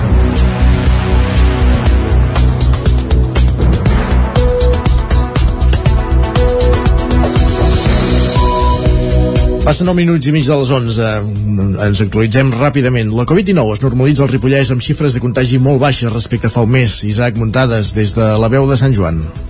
L'obertura de la famosa discoteca Màsters de Ripoll aquest passat dissabte amb un ple de gom a gom i amb la gran majoria de la gent sense mascareta va evidenciar que la crisi sanitària del coronavirus comença a ser aigua passada. Al Ripollès la situació cada cop està més normalitzada i s'ha passat d'uns números alarmants a unes xifres que encara són altes però a una distància sideral de convertir-se en una situació descontrolada. Per exemple, pel que fa a l'índex de risc de rebrot entre els dies 24 de febrer i 3 de març, l'última setmana de la qual es tenen dades, és de 511 punts, molt lluny dels 5.000 a què es va arribar fa poc més d'un mes. Cal destacar que només s'han detectat 66 positius de la malaltia, la xifra més baixa des de mitjans de novembre de l'any passat. La taxa de propagació del virus és de 0,79 punts i la taxa de positivitat de PCR i test d'antígens és del 7,73% amb 642 proves fetes. Des de l'inici de la pandèmia ja han mort 104 persones a la comarca, però sortosament el ritme de defuncions s'ha alentit molt respecte a fa unes setmanes. Pel que fa a les xifres de vacunació també són prou altes i al Ripollès ja hi ha 20.191 persones amb la pauta completa i 20.600 670 que almenys se'ls hi ha administrat una dosi. Això suposa més d'un 81% de la població. També hi ha 11.243 persones que ja s'han vacunat de la tercera dosi. La policia local de Sant Feliu de Codines ha denunciat una conductora que es va fugar després de xocar contra un cotxe policial en un control, que era el campàs des d'ona codinenca. Els fets es van produir aquest dissabte quan faltaven 5 minuts per les 12 de la nit. En aquells moments, una patrulla policial havia muntat un control a l'entrada del poble quan van indicar l'estop al vehicle per tal de cedir el pas a un altre. La conductora va fer una maniobra de gir erràtica i va xocar contra el vehicle policial pel costat esquerre. Quan els agents van parlar amb la conductora, aquesta mostrava signes d'embriaguesa i va fugir a gran velocitat pels carrers principals del municipi. A l'haver-hi peatons i clients als bars de la zona, la patrulla va haver d'utilitzar llums i senyals acústiques en la persecució per tal d'advertir els peatons i finalment la van poder detenir en un carrer sense sortida on inicialment es va negar a realitzar les proves d'alcoholèmia. Finalment, quan va accedir a realitzar-les, multiplicava per 5 la taxa màxima, va donar un 1,32 mil·lígrams per aire aspirat. La conductora ha sigut denunciada per conduir en estat d'embriaguesa amb resultat d'accident de trànsit, conducció temerària i desobediència als agents de l'autoritat. I continuem amb la crònica policial. 10 detinguts en un control policial en locals d'oci del Ramassà i de Palau Nord, a Granollers. També es van detectar irregularitats a dos locals en un cas greus. Núria Lázaro, des de Ràdio Televisió Cardedeu. Un dispositiu coordinat dels Mossos, les policies locals de Granollers i de les Franqueses, la Policia Estatal i Inspecció de Treball de la Generalitat ha acabat amb 10 persones detingudes la nit d'aquest divendres a dissabte. La majoria són per estar en situació irregular a l'Estat. El desè detingut és una persona a qui constava una ordre de detenció pendent d'un jutjat de Granollers. El control s'ha fet entre dos quarts d'una i dos quarts de sis de la matinada en locals del carrer Montseny, al Ramassà i una discoteca del polígon Palau Nord, al sud de Granollers. També s'han fet controls de l'espai públic i a l'entorn d'aquests establiments. A banda de les detencions, els Mossos han posat quatre denúncies administratives per no portar mascareta, una denúncia per falta de respecte als agents de l'autoritat i set denúncies administratives per tinença de substàncies estupefaents. A més, han aixecat 10 actes de comís de droga que van trobar al terra segurament de persones que se'n van desfer en veure entrar la policia. En el cas del Ramassà, l'entrada als dos locals s'ha fet de manera simultània. A banda, es van aixecar actes administratives per mancances detectades als locals amb infraccions greus a la discoteca del polígon Palau Nord i lleus en un dels dos locals inspeccionats. Inspecció de Treball de la Generalitat ha aixecat tres actes per la presència de treballadors sense contracte. En algun cas, a més, eren persones que estaven en situació irregular a l'Estat. La setmana passada ja es va fer un dispositiu d'aquest tipus, però en franja de tarda i vespre en diversos punts de Canovelles i a l'entorn de l'estació de Granollers Canovelles a Granollers. Prèviament s'havien fet altres dispositius al Ramassà i al polígon Palau Nord. I més qüestions. Avui, que és 8 de març, dia de la dona, proliferen tot tipus d'actes arreu del territori 17. Ara, a les 12 del migdia, es farà una performance davant de l'edifici del Sucre a Vic i a la una a la plaça Major. També es farà la lectura del manifest institucional. I d'actes n'hi ha repartits arreu de la geografia usonenca. A Folgueroles, per exemple, d'aquí uns minuts, a dos quarts de 12, s'inaugurarà l'escultura Teixint la vida d'Imma Solà, que s'ubicarà just davant de la fàbrica. A Tona, a l'espai Muriel Casals, durant tota la tarda s'hi farà un taller per crear referents femenins. A Olòs, Turistà, Perafita o Sobremunt, al Lluçanès, també hi haurà actes amb xerrades o sopars populars. I a Torelló, a les 9 del vespre, al Teatre Sirvianum s'hi podrà gaudir de l'espectacle Mil maneres de sentir, amb monòlegs a càrrec de Núria Martorell, Clara Guindolain i Queta Illamola. Pel que fa a la manifestació que organitza la comissió del 8 de maig d'Osona i el Lluçanès a Vic, sortirà a dos quarts de vuit del vespre del davant de la comissaria dels Mossos d'Esquadra. Doncs acabem aquí aquest repàs informatiu que, que començàvem quan passaven alguns minuts de les 11 en companyia de Caral Campàs, Núria Lázaro, Isaac Muntades i Jordi Sunyer i el que fem tot seguit al territori 17 quan és un quart d'11 del matí és centrant-nos amb la, amb l'actualitat econòmica com cada setmana amb en Joan Carles Arredondo.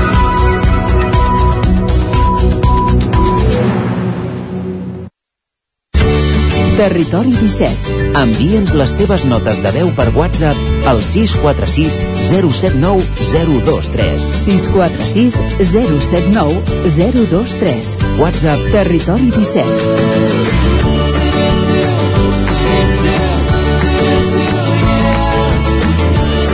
Territori 17. Som a Facebook, Twitter i Instagram amb l'usuari Territori 17.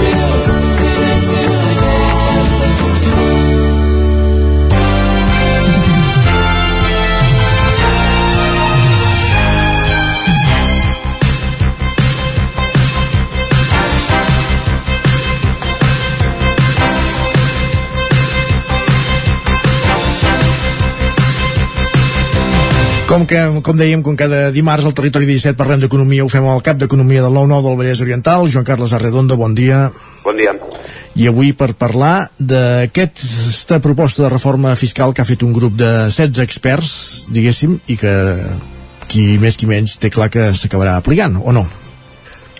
Això això dependrà dels polítics, eh, finalment. Vale. Eh, efectivament, eh, tenim 16 experts que va designar el, el govern i els, amb ells se'ls va fer l'encàrrec eh, que reflexionessin sobre el model fiscal de l'Estat per presentar propostes que des del punt de vista d'aquests experts es puguin contribuir al compliment de l'objectiu eh, que hi ha sobre, sobre política fiscal. Eh? L'objectiu diguem-ne legislatiu, normatiu que hi ha a l'Estat és que eh, els tributs eh, contribueixin al màxim possible a garantir el compliment dels serveis públics sense que això acabi comportant un agreujament de les desigualtats. Mm, Diguem-ne que aquí seria la quadratura del cercle, s'aconsegui- s'aconseguiria així, eh? O, en un món perfecte el tema, el tema tributari aniria així. Que passa que les coses són bastant més complexes i els mecanismes per arribar a aquest objectiu, diguem-ne que mm, són diversos i no sempre s'acaben s'acaben complint. Complint, d'acord. Uh -huh. La- L'encàrrec de revisar el marc fiscal era pertinent, eh, perquè el sistema impositiu espanyol s'ha mostrat manifestament ineficient. Què vol dir ineficient? Doncs que tenim uns tipus de pressió fiscal elevats i, en canvi, això no es tradueixen en recaptacions que puguin considerar-se ni tan sols equiparables als socis europeus. De manera que alguna cosa passa aquí. Uh -huh. Els experts ja s'han apressat a aclarir una obvietat, eh, que, que el que fan és, són propostes perquè ni volen ni els correspon eh, fer, fixar polítiques fiscals. Eh? Em, Les polítiques fiscals eh, són responsabilitat dels governs i en la mesura possible estaria bé que fos de tots, de, de totes les forces polítiques, eh, que trobessin un punt de consens però passa que el camp tributari està molt exposat a, a demagògies i a partidismes i això apunta a una tasca, di- diria, diríem, titànica, eh, aconseguir aquest consens. Um, ni tan sols el fet que les polítiques que es vulguin aplicar provinguin de les propostes que han fet aquests experts, eh, ni, ni el fet que, que, que això estigui basat en, en propostes d'experts um, apunta que pugui aconseguir que hi hagi aquest, aquest consens, Consens, necessari. Per què un consens necessari? Doncs perquè l'estat espanyol està encallat en una recaptació que està, com dèiem, està 6 punts per sota de la mitjana europea, eh? mentre la mitjana europea està sobre el 41% dels seus PIBs s'aconsegueix a través dels impostos, eh, aquí estem, això, eh, al voltant del, 30, del 35, 34, 35, i això, diguem-ne, que és, són 6 punts menys que um, si, si comences a traduir-ho en milers de milions eh, en són forces. Uh -huh. um, i eh, que, que, que, em, que s'estigui tan per sota no és una qüestió de tipus, eh? perquè en aquest àmbit hi ha impostos que estan per sobre d'alguns dels països més rics de l'entorn. Per exemple, a Catalunya l'IRPF està en tipus màxims. Eh?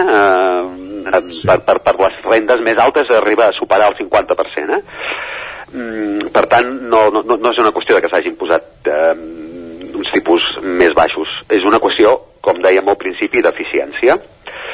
Uh, per què no són eficients els impostos? Doncs entre d'altres motius perquè el model s'ha anat configurant a pedaços precisament per l'absència del consens que, que reclamava abans mm, i, i això ha portat a canvis en funció de quina formació estigués al poder però s'han anat superposant canvis i recanvis i, super, i superrecanvis eh, de, de manera que ha quedat un Frankenstein eh? Eh, que ara, diguem-ne, els experts el que intenten és precisament reconstruir-ho i que la cosa quedi més o menys eh, formal, no?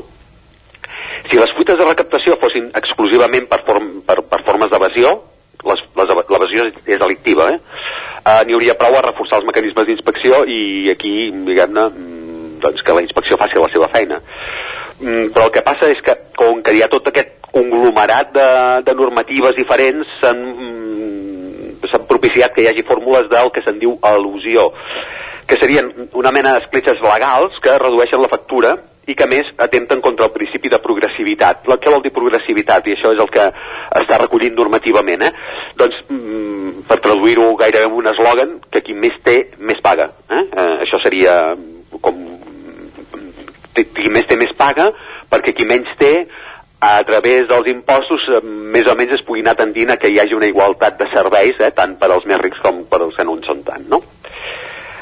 Els informes dels, dels experts no dubta fer esment de l'al·lusió que es dona, per exemple, amb, amb, amb qüestions com l'impost de societats, contra, contra la qual, eh, contra, aquesta, contra aquesta al·lusió també presenta propostes.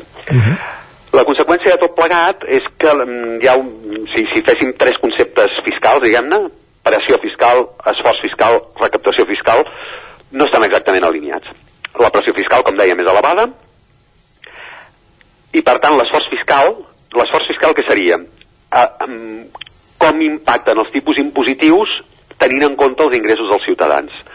Si tenim una pressió fiscal alta i com sabem els impostos dels ciutadans són més, ai, perdó, els ingressos dels ciutadans són més baixos que la resta d'Europa, doncs aquí tenim una pressió, una, un, un, un, un esforç fiscal molt elevat. De fet, és el quart més alt de la Unió Europea.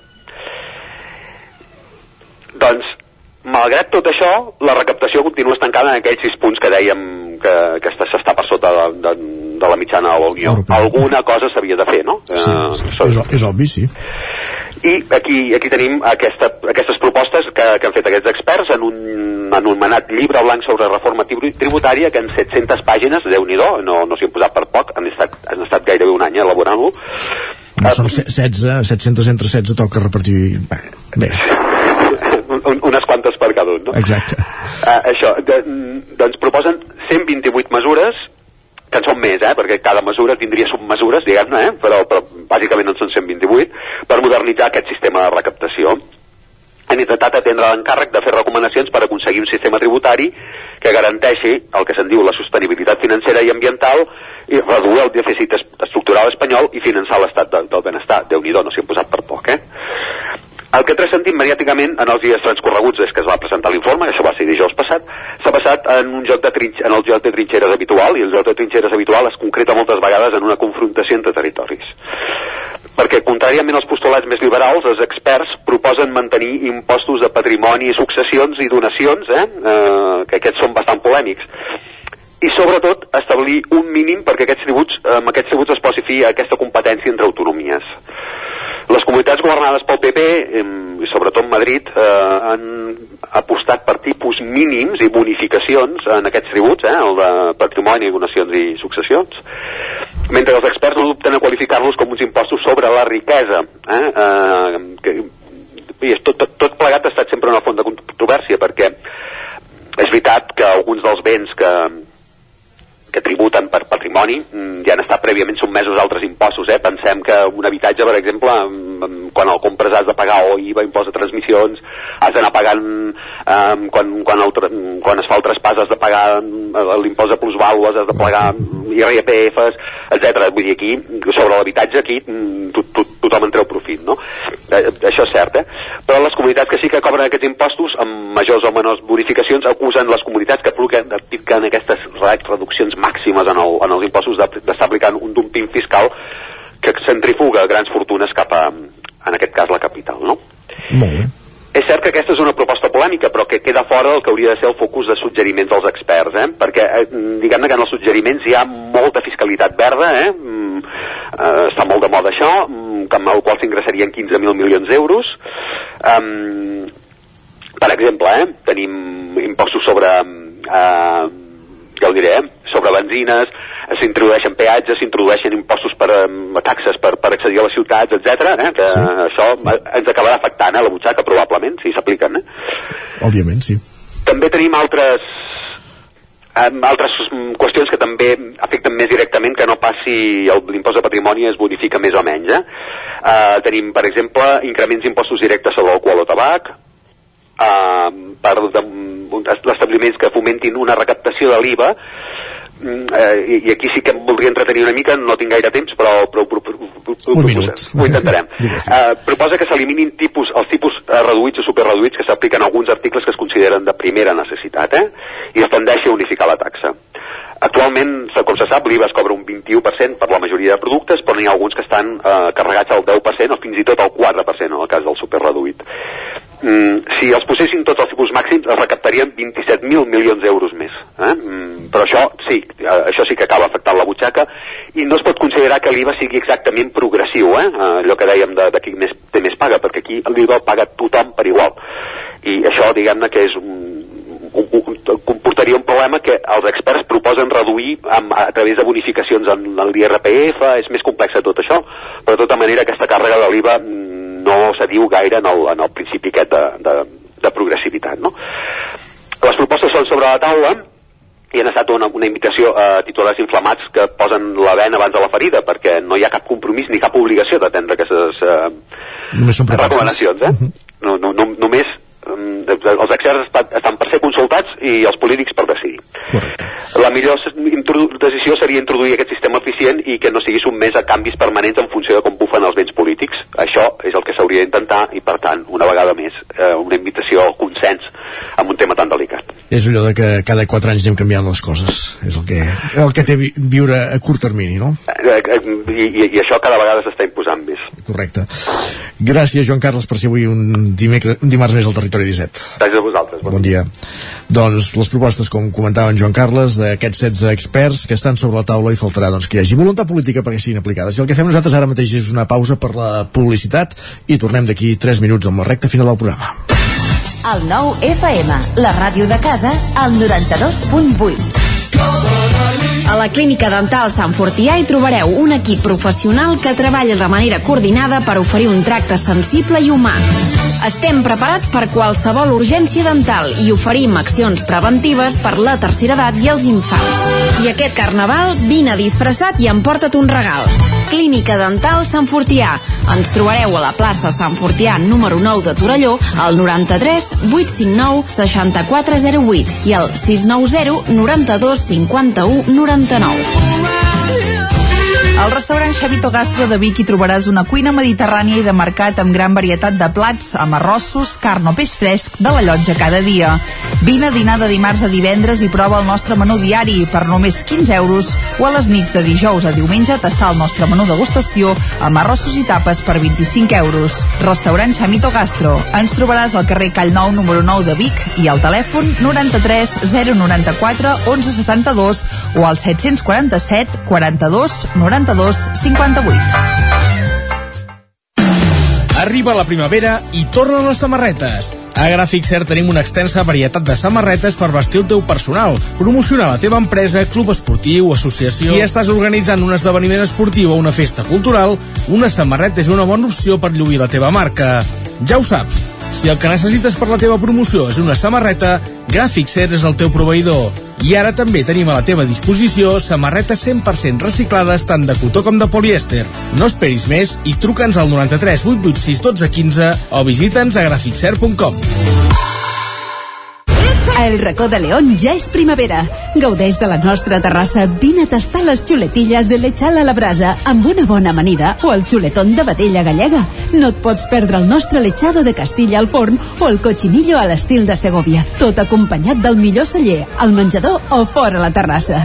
Descobreix la millor cuina de Lleó sense moure't de casa. Vine amb la família, els amics, la parella o sol. T'encantarà. El racó de León, cuina tradicional lleonesa i de mercat. Som al carrer Torelló número 35 de Vic. Per reserves, telèfon 93 889 1950. El racó de León, una cuina diferent. Vols aprendre anglès i viure una experiència inoblidable? Estades per a joves a Irlanda, classes d'anglès i un munt d'activitats, allotjats en família o en residència i convivint sempre amb joves d'altres països. També classes per adults i programes per a tota la família. Tures Language and Travel, especialistes en Irlanda des de 1994. Més informació a tures.cat. El nou FM, el nou FM, el nou FM. Territori 17. A Tren d'Alba. Cada dia els usuaris de la línia R3 de Rodalies que veuen sortir el sol des d'un vagó ens expliquen les gràcies i les penes del primer comboi que uneix Ripoll i Barcelona. Benvinguts a Tren d'Alba. Com sabeu, avui és el Dia de la Dona i això té una afectació amb els trens, ja que hi ha convocada una vaga. Per això el Departament d'Empresa i Treball ha dictat un ordre per establir els serveis que s'han de prestar durant la jornada de vaga general convocada per dimarts. Per tant, hi haurà un 85% del servei durant tot el dia. Els usuaris poden consultar tota la informació actualitzada dels horaris amb els serveis essencials programats a les webs de Rodalies de Catalunya.cat i Renfe.com, les aplicacions de Rodalies de Catalunya i Renfe Cercanies i el telèfon d'informació 941 0041. A més, Renfe ha establert com a mesures de postvenda el reemborsament del 100% de l'import del bitllet pels clients que desisteixin del seu viatge o canvi de data de viatge sense costos pels viatgers que es decideixin per aquesta opció. Va, us deixo amb la crònica d'en Jordi Valls d'avui. Bon dia, sóc en Jordi a Centelles. Avui el tren ha arribat uns 4 minuts tard, més o menys, força puntual. És el que venia de Ripoll i passa per Centelles gairebé a dos quarts de set, a les 6.25. Avui, interessants temes de conversa. Hem començat a parlar de literatura. Jo habitualment sóc lector de històries que parlen de la Guerra Mundial, la Guerra Civil, la història m'agrada molt i hem entrat a aquella hora del matí en la literatura eròtico-romàntica. Les meves companyes al tren m'han posat el dia sobre lectures d'aquest tipus i m'han apuntat dos títols que diuen que estan prou bé. Un, tots dos són de Megan Maxwell, ho tinc apuntat, eh? i valen els llibres sobre uns 8, i, 8 euros i mig, 9 euros, o sigui, lectura interessant i econòmica. Un seria El melocotón loco, que aquí m'han comentat que sortia a la història amb un bomber, i un altre que és més pujadet de to, hi ha fins i tot intercanvi de parelles, que se'n diu A què estàs esperando? M'han dit que són divertits, amens, i tal com està el pati, sortir de lectura de guerra, lectura d'amor i sexe, potser val la pena evolucionar cap aquí i deixar altres tonteries. Ja veieu quins temes tenim al tren. És que dona per molt. Res més a dir-vos. Cuideu-vos molt, bona setmana i que una Renfis qualsevol no espatlli la màgia del tren. Adéu-siau. T'he de confessar que jo sóc més de literatura fantàstica, però cadascú té els seus gustos i segur que pots descobrir un nou gènere literari que fins ara tenies inexplorat. És clar que si t'agraden els llibres d'història que parlen de la guerra de la humanitat, amb tot el que està passant a Ucraïna aquests dies, vulguis desconnectar. Va, ens retrobem demà amb més històries del tren i de la R3. Territori 17, el 9 FM, la veu de Sant Joan, Ona Codinenca, Ràdio Cardedeu, Territori 17. El racó de pensar, a Territori 17. Doncs com us hem dit avui al racó de pensar, recuperem una secció més a mesos enrere dedicada als sistemes familiars de causa de la vaga d'aquest 8 de març, d'aquesta vaga general, convocada en motiu del Dia Internacional de les Dones. La Maria López fa vaga, abans ha intervingut a la tertúlia des de casa, però que fa vaga i per tant avui no hi ha secció del racó de pensar, sí que com dèiem recuperem aquesta sobre els sistemes familiars. Maria, bon dia. Bon dia i benvinguts a un nou racó de pensar aquí a Territori 17 des de Cardedeu i avui ens hem traslladat, hem marxat de, de l'estudi i ens hem traslladat fins a Tres Sentits, que és un centre de psicopedagogia de Cardedeu, i estem avui amb la Sílvia Palou, que és uh, psicopedagoga i és la directora del centre. Bon dia, Sílvia. Hola, molt bon dia. Avui ens hem traslladat fins aquí perquè fa unes setmanes eh, la Sílvia va oferir a través de l'Aula de Cultura, que fa unes conferències a Cardedeu, uns diferents cicles de, de conferències, eh, per parlar dels sistemes familiars. Uh, així sentit des de fora es poden interpretar moltíssimes coses pel que fa en referència als sistemes familiars. Però d'alguna manera, Sílvia, corregeix-me si, si m'equivoco, entenc que parlant de tots aquells tipus de família i la manera, les maneres o les mecàniques que, que es passen dins d'aquestes famílies. Famílies ja de tot colors, hi ha moltíssimes i de mil opcions diferents i cada dia més, segurament si observéssim uh, un perfil de família de fa 50 anys no tindria res a veure amb tot el ventall i possibilitats familiars que podem trobar avui dia Uh, i no sé si és possible que dintre d'aquestes diferents tipus de famílies trobem certes mecàniques que es repeteixen o no. Per parlar de tot això estem avui aquí a Tres Sentits amb la Sílvia. Bon dia, Sílvia. Hola, molt bon dia. Uh, no sé si podem arrencar sí. ja, si ens pots explicar sí. una mica això. Concepte de sistemes familiars, sí. per començar una mica. Bueno, un sistema és un conjunt d'elements de, que estan imbrincats entre si, que tenen un engranatge i que fa que quan un es mou es mouen tots val? sistèmicament eh, avui en dia sabem que tot funciona així les xarxes socials, no? eh, l'ecologia i evidentment doncs, les relacions humanes sempre han funcionat des d'aquesta mateixa paràmetre no? de, de connexió entre les persones que estan vinculades dintre d'un mateix grup eh, social evidentment la família és el sistema més complex que tenim i també el que emocionalment ens implica molt més perquè d'alguna forma és el que ens dona la vida i és el que també ens la pot treure eh, hi ha una diversitat, com tu dius molt bé, no? de famílies cada vegada més complexa perquè per sort mm, doncs les persones cada vegada tenim més tendència a voler viure millor, a no sostenir potser situacions que no són eh, prou saludables a nivell eh, personal i la vida cada vegada és més llarga per tant cada vegada doncs, tenim com més vides dintre d'una mateixa vida i les famílies moltes vegades es fan complexes i es mouen no? eh, i per tant això fa que hi hagi una diversitat molt gran de famílies i això és estupendo i és fantàstic però sí que veiem que hi ha uns eh, paràmetres que són com molt conservadors a dintre del que és el concepte de sistema perquè precisament com que som mamífers les persones som animals mamífers i una estoneta, no? fa molt poc a dintre de la nostra història doncs, que som també, tenim aquesta part cognitiva eh, funcionem moltes vegades doncs, per poder tirar endavant i sobreviure. I per tant hi han històries que es viuen a dintre del sistema que tenen una repercussió emocional forta i que depèn eh, una miqueta de com ha estat tota aquesta història dels nostres antepassats. Eh, sobretot parlem molt dels avis eh, els pares i les mares evidentment però avis i àvies i fins i tot besavis i besàvies que han viscut històries que són complexes i que tenen una repercussió deia important a nivell dolorós no? que ja eh, s'han viscut situacions que porten un, un ressò emocional i que el que veiem és que hi ha una, mm, una herència que es va passant d'una generació a una altra i que té una influència també en com funcionem en el dia a dia. Per tant, sí que hi ha una diversitat molt gran de famílies, però en el fons, eh, a dintre del cor de cada persona, les necessitats són les mateixes, són les mateixes que hi ha ara, que hi ha hagut eh, sempre, no? I que d'alguna forma, per exemple, aquesta necessitat de la pertanyença, de sentir que formo part de la família, eh, és essencial com a mamífer per sentir que estic cobert, no? que tinc la seguretat i l'estima de les persones d'aquesta família. I per tant, moltes vegades, algunes de les reaccions, dels comportaments, fins i tot dels símptomes, no? que fan potser fills i filles o o, o adolescents eh, o fins i tot els pares i les mares eh, veiem que tenen de vegades mirant la història familiar tenen una raó de ser que va més enllà de la nostra voluntat fins i tot de vegades de la nostra consciència Entenem doncs una mica pel que deies que eh, aquestes noves formes de família, aquestes noves estructures que reconstrueixen amb aquest, eh, amb aquest fet de perseguir la felicitat que dèiem no? Uh -huh. i que és totalment eh, lloable d'alguna manera sí que afecten indirectament a aquesta sensació de pertànyer a un lloc? Sí, tenen aquesta repercussió de tribu, perquè, diguéssim, exacte, una mica exacte, de tribu, sí, perquè d'alguna forma és com que cada vegada que es mou el sistema com que és un engranatge fa que encara que hi hagi una peça que no és la teva que es mou fa que tu també et moguis i fa que es mogui tot el sistema eh? si per exemple, doncs, posant una, un exemple molt bàsic i molt clar i molt general, que és que arriba un segon fill en una família, està clar que el lloc que ocupava el primer fill o filla queda desplaçat perquè s'ha d'incorporar un nou no?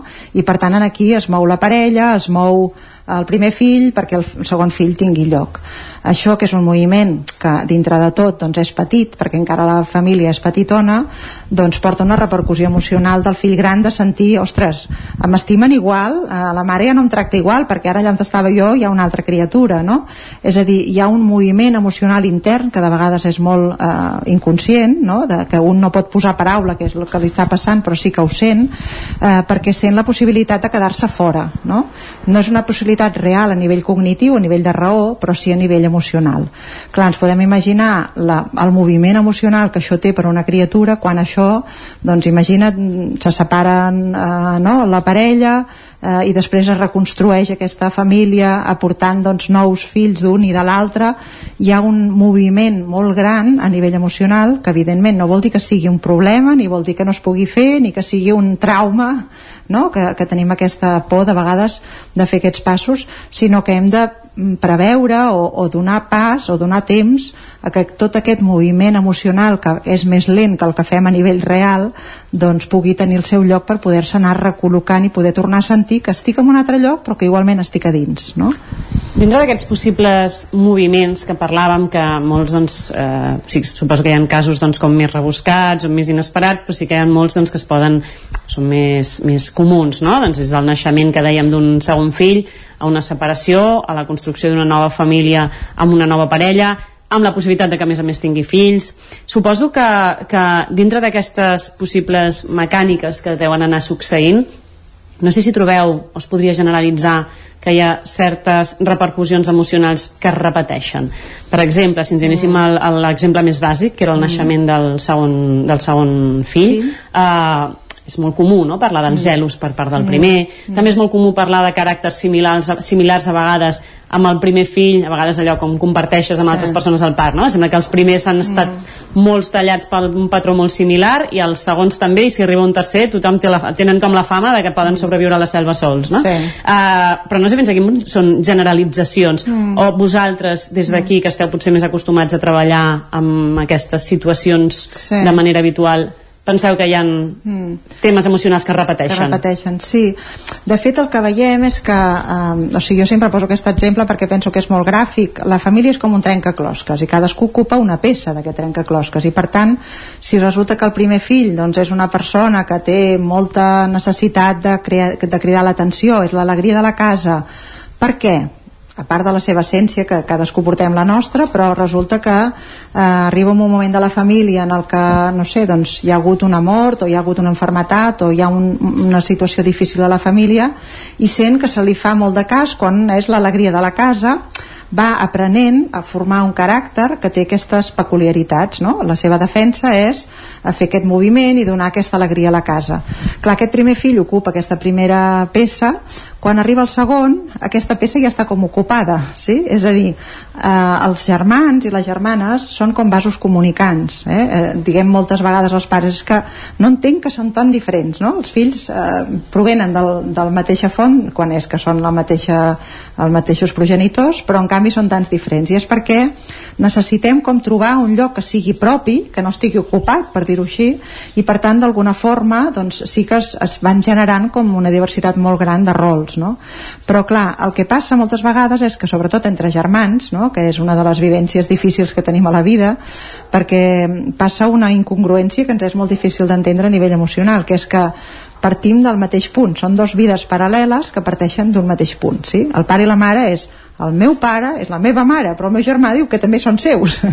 No? Aleshores, aquesta dificultat no la té el primer fill. És a dir, el primer fill té per ell sol el pare i la mare, i això no passa mai més amb cap dels següents. No?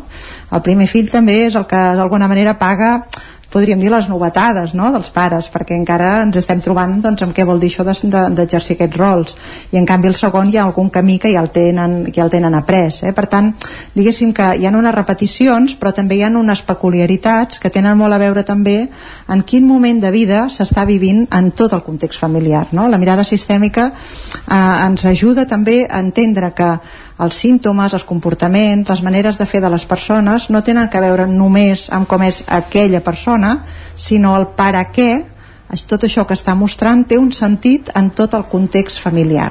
I per tant la manera de poder ajudar de poder intervenir, de poder acompanyar intentem també sempre eh, tenir com una comprensió àmplia de com funciona i què és el que necessita cada persona per poder-se sentir que forma part o que ocupa el seu lloc a dins la família no? perquè aquest és un altre aspecte també com molt important Clar, llavors entenc que d'alguna manera acabem desenvolupant eh, el nostre caràcter en funció d'aquest encaix que intentem mm -hmm. eh, fer dintre aquest puzzle familiar que ens Exacte. toca viure, que podria ser qualsevol altre, no? Exacte. Uh, això també pot suposar d'alguna manera que visquem un paper o una peça del puzzle que potser no seria el nostre de manera natural? Sí, aquí és allà on hi ha més dificultats, sí? perquè quan eh, hi ha una incongruència dintre, no? que això ho expliquen molt bé de vegades algunes criatures, no? per exemple, eh, una, un, infant, no sé, poso exemples de persones que estem acompanyant i que me venen ara al cap, no? eh, que és molt sensible i que té una manera de fer no? com molt, eh, que necessita com molta cura en la manera de fer les coses perquè les viu amb molta intensitat emocional igual, eh, doncs no sé té un pare que tenia l'expectativa de tenir un fill molt canyero i molt, no? que, que resolés les coses d'una altra manera potser i segurament perquè ja ell ha passat alguna situació que fa veure que eh, pel món o es va amb duresa o no es tira endavant no és que vulgui una cosa perquè sí no? els pares i les mares sempre volem el millor pels nostres fills i filles i sempre que donem alguna d'aquestes mirades cap als nostres fills és per un bé, és per, per amorós no? però clar, si, no, si això xoca és a dir, jo necessitava que tu fossis una persona dura i resulta que eh, estàs siguent una persona sensible per posar un tòpic, eh, que no seria mai tan, tan despullat, però per entendre'ns eh, clar, aquella criatura sent que no, no, no sent una bona mirada de, del pare cap a ell i per tant és com no, no, no acabo de ser el que el pare necessita que jo sigui i potser començaré a intentar no, fer coses més dures perquè així el pare estarà content de mi però no em sortiran bé perquè no té que veure amb la meva essència no? és a dir, hi ha com una dificultat de vegades i que és quan fem no, com més, eh, mostrem més dolor que les criatures mostren més dolor quan hi ha aquesta incongruència interna entre l'expectativa que tenen els pares i les mares dels que jo, del que jo realment puc oferir perquè la meva essència va cap a un costat no? Suposo que és molt difícil des de la part de, de les persones que eduquem ser conscients de fins a quin punt estem projectant aquesta, aquest forat de puzzle cap a cadascun dels nostres fills, no? com dient a tu et toca aquest i, a tu, i segurament ho fem molt més del que ens adonem no sé com podem, entenc, o, o ara des de la manera que m'ho expliques ho veig com una cosa negativa, no? perquè és com Mm. que els ja estem ja marcant aquesta és la teva parcel·la, no ho saps però aquesta és la teva parcel·la i d'aquí no et pots moure no et pots moure. No sé com podem fer d'alguna manera per flexibilitzar o diluir una miqueta aquestes fitxes de puzzle Mm. perquè ells puguin ser una mica més ells i elles, perquè entenc que si no després a la llarga això no, ha de, no ha de ser massa positiu, no? Ser, fer un paper que no és el teu per naturalesa. Sí, m'agrada molt que facis aquesta pregunta, Maria, perquè també és veritat que mm, es pot viure com a negatiu perquè provoca dolor, però, però no ho és negatiu, és a dir, és una manera de créixer, és una manera de fer-nos el lloc al món i és unes, són unes estratègies que són defensives i que per tant ens serveixen per, per sortir-nos en endavant, sí?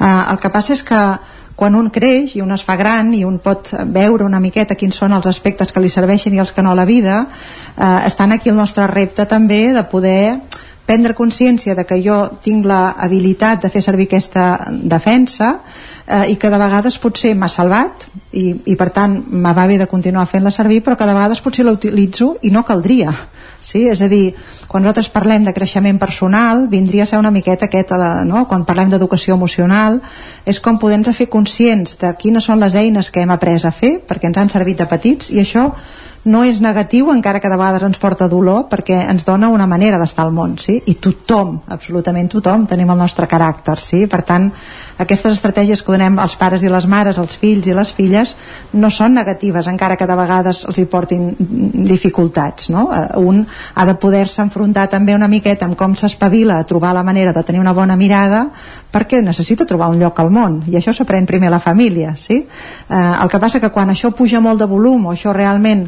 m'està com, començant a ser com difícil de poder assumir a nivell personal és quan hem de veure potser que els pares o les mares han de poder també fer algun treball ells o elles no? perquè igual si seguim amb aquest exemple que posava abans potser el, el fet, i això és una mica el que fem en la teràpia sistèmica donant-nos compte que amb la bona intenció de que jo estic dient al meu fill eh, respon dur perquè així te'n sortiràs bé la vida perquè jo igual era sensible com tu i he pres a posar-me una cuirassa quan jo me'n compte d'això uau, no? Potser puc entendre com és que jo vaig ser dur i mirar enrere dels meus pares i poder-los agrair que em van donar aquestes eines que, però que potser a la situació que està visquent ara el meu fill no li calen aquestes eines que a mi em van caldre i que els estic com demanant amb ell. No sé si veus una mica la cadena que no és tant ni generar culpa ni pensar els pares ho fem malament.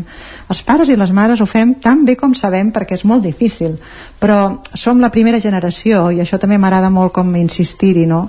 que tenim el privilegi de poder estar pensant i parlant ara de tot això eh, sense haver-ho d'actuar d'una forma automàtica com han hagut de fer els nostres pares eh, i mares no? i per tant no es tracta de generar culpes ni de veure els fills com si fossin de vidre i que pobrets el que els estic fent, ni molt menys eh, sinó que es tracta de poder anar millorant com a espècie, per dir-ho així i donar-nos compte de que així com els animals eh, moltes espècies actuen per repetició doncs nosaltres potser estem com no, creixent de, de consciència i podem començar a fer les coses diferents sense la dificultat que això representa fer diferent del que m'han ensenyat els meus pares no? perquè això ho veiem per exemple fent de mares dius això jo no ho faré no? com la mare Quantes I, vegades oh, hem dit aquesta frase això no, ho faré jo quan... i, i patapam, de, de quatre grapes, clar, eh, em sembla clar, perquè ho portes inherent no? perquè no ho has après sinó que ho has pres ho, has, ho portes com inscrit no? Fins a quin punt l'adolescència seria com un primer intent de, de sortir d'aquest espai que, que sí. t'han marcat, no? Sí, tal qual, és així, així sí.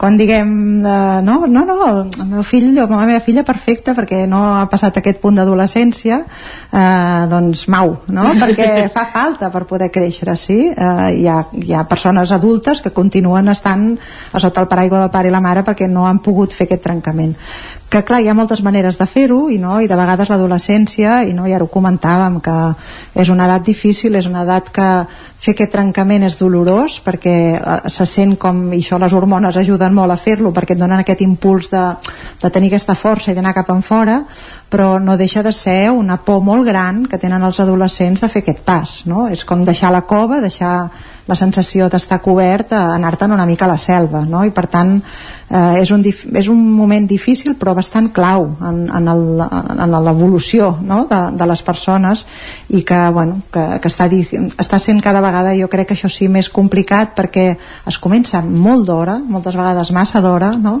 eh, hi ha una pressió social eh, no? consumista i, i, i, i de la nostra societat que fa que l'etapa de la infància sigui molt curta i que l'adolescència duri moltíssim. I això no és bo, no és sa perquè posa les criatures en una situació de molta vulnerabilitat que s'han de buscar eh, tribus fora de casa eh, i, i posar-se en mans de persones que no coneixen ni saben molt bé el què i provoca situacions eh, que són més de perill, no? de més d'incertesa i ells la viuen amb, amb molta dificultat. Què, què, què creus que és el que fa que s'avanci d'alguna manera aquesta, mm. aquest moment? No? Eh, això es, mm, es diu molt sovint, no? ara es comença tot abans, però mm. què ho ha fet? Un canvi, doncs, com per exemple als instituts, l'edat dels instituts és un tema quasi natural jo crec que és social, primer, perquè cada vegada més és com que veus, no sé, eh, criatures amb 8 anys que ja volen portar no? eh, una roba que, són, que és de noia o de noi quan encara són nens i nenes, eh, per tant socialment hi ha una pressió molt gran per, per poder fer aquest pas, perquè evidentment es consumeix molt més, això penso que ho hem de saber-ho, i hi ha un tema a nivell d'estructura del sistema educatiu que jo no m'he repetit, no m'he eh, cansat mai de dir-ho i penso que som molta gent en el món educatiu que ho veiem així, que realment el salt de sortir de l'escola en una edat en la que encara són criatures, són nens i nenes i s'han d'anar a enfrontar en un lloc on hi ha persones molt més grans amb la vulnerabilitat que representa una edat en la que sortir no? d'allà on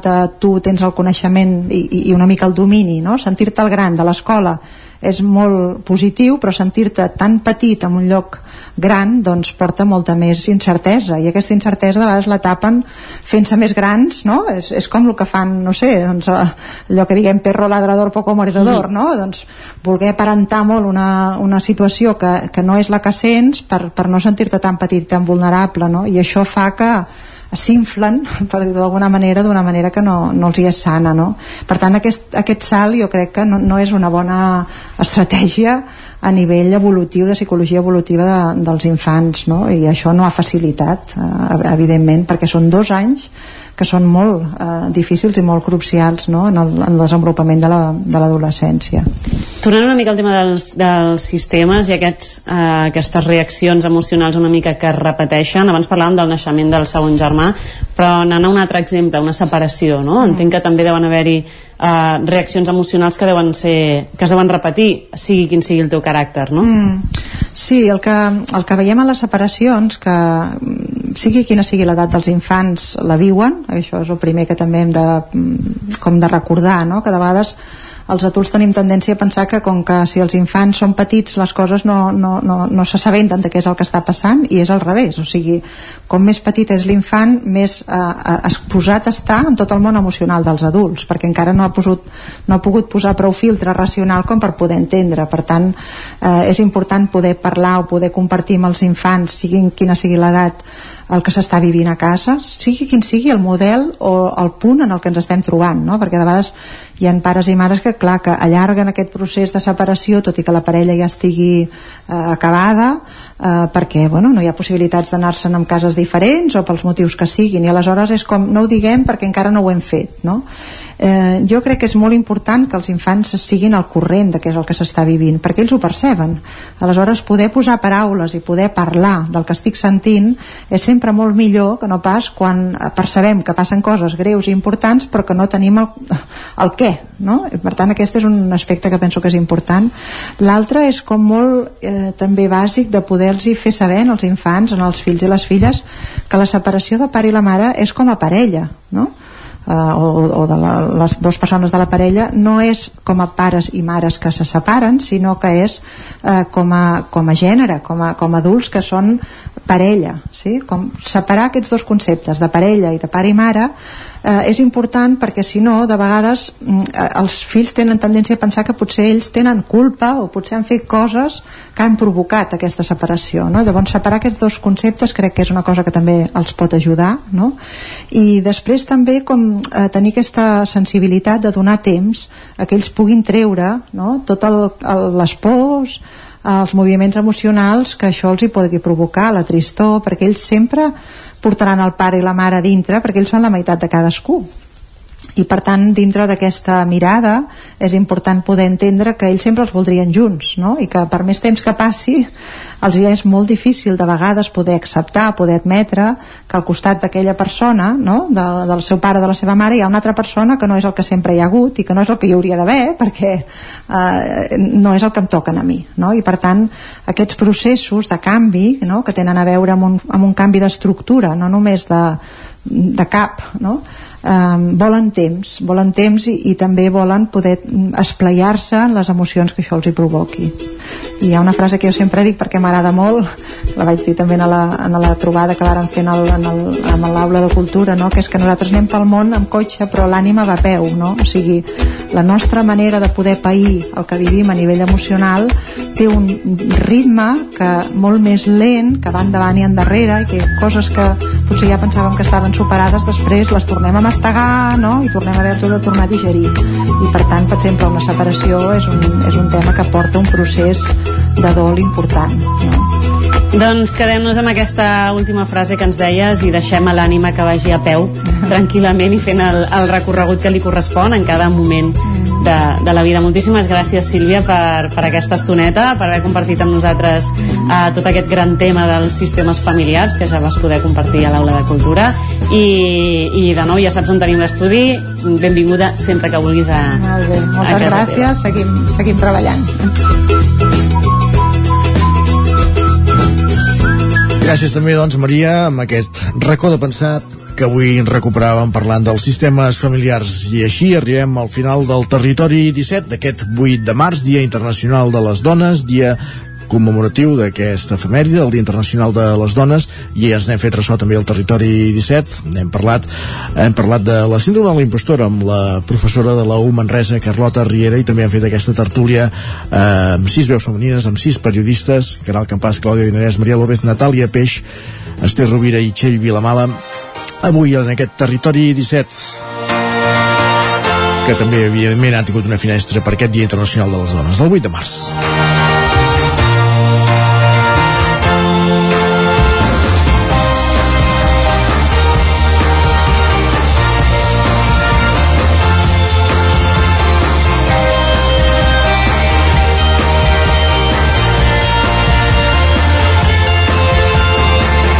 I així acabem. Us hem acompanyat des de les 9 del matí Pepa Costa, Maria López, Caral Campàs, Clàudia Nerès, Natàlia Peix, Esther Rovira, Txell Vilamala, Manel Dot, Òscar Muñoz, Núria Lázaro, Joan Carles Arredondo, Isaac Montada, Jordi Sunyer i Isaac Moreno.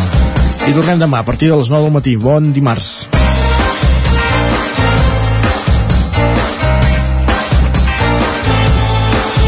Territori 17, un magazín del nou FM. La veu de Sant Joan, Ona Codinenca i Ràdio Cardedeu amb el suport de la xarxa.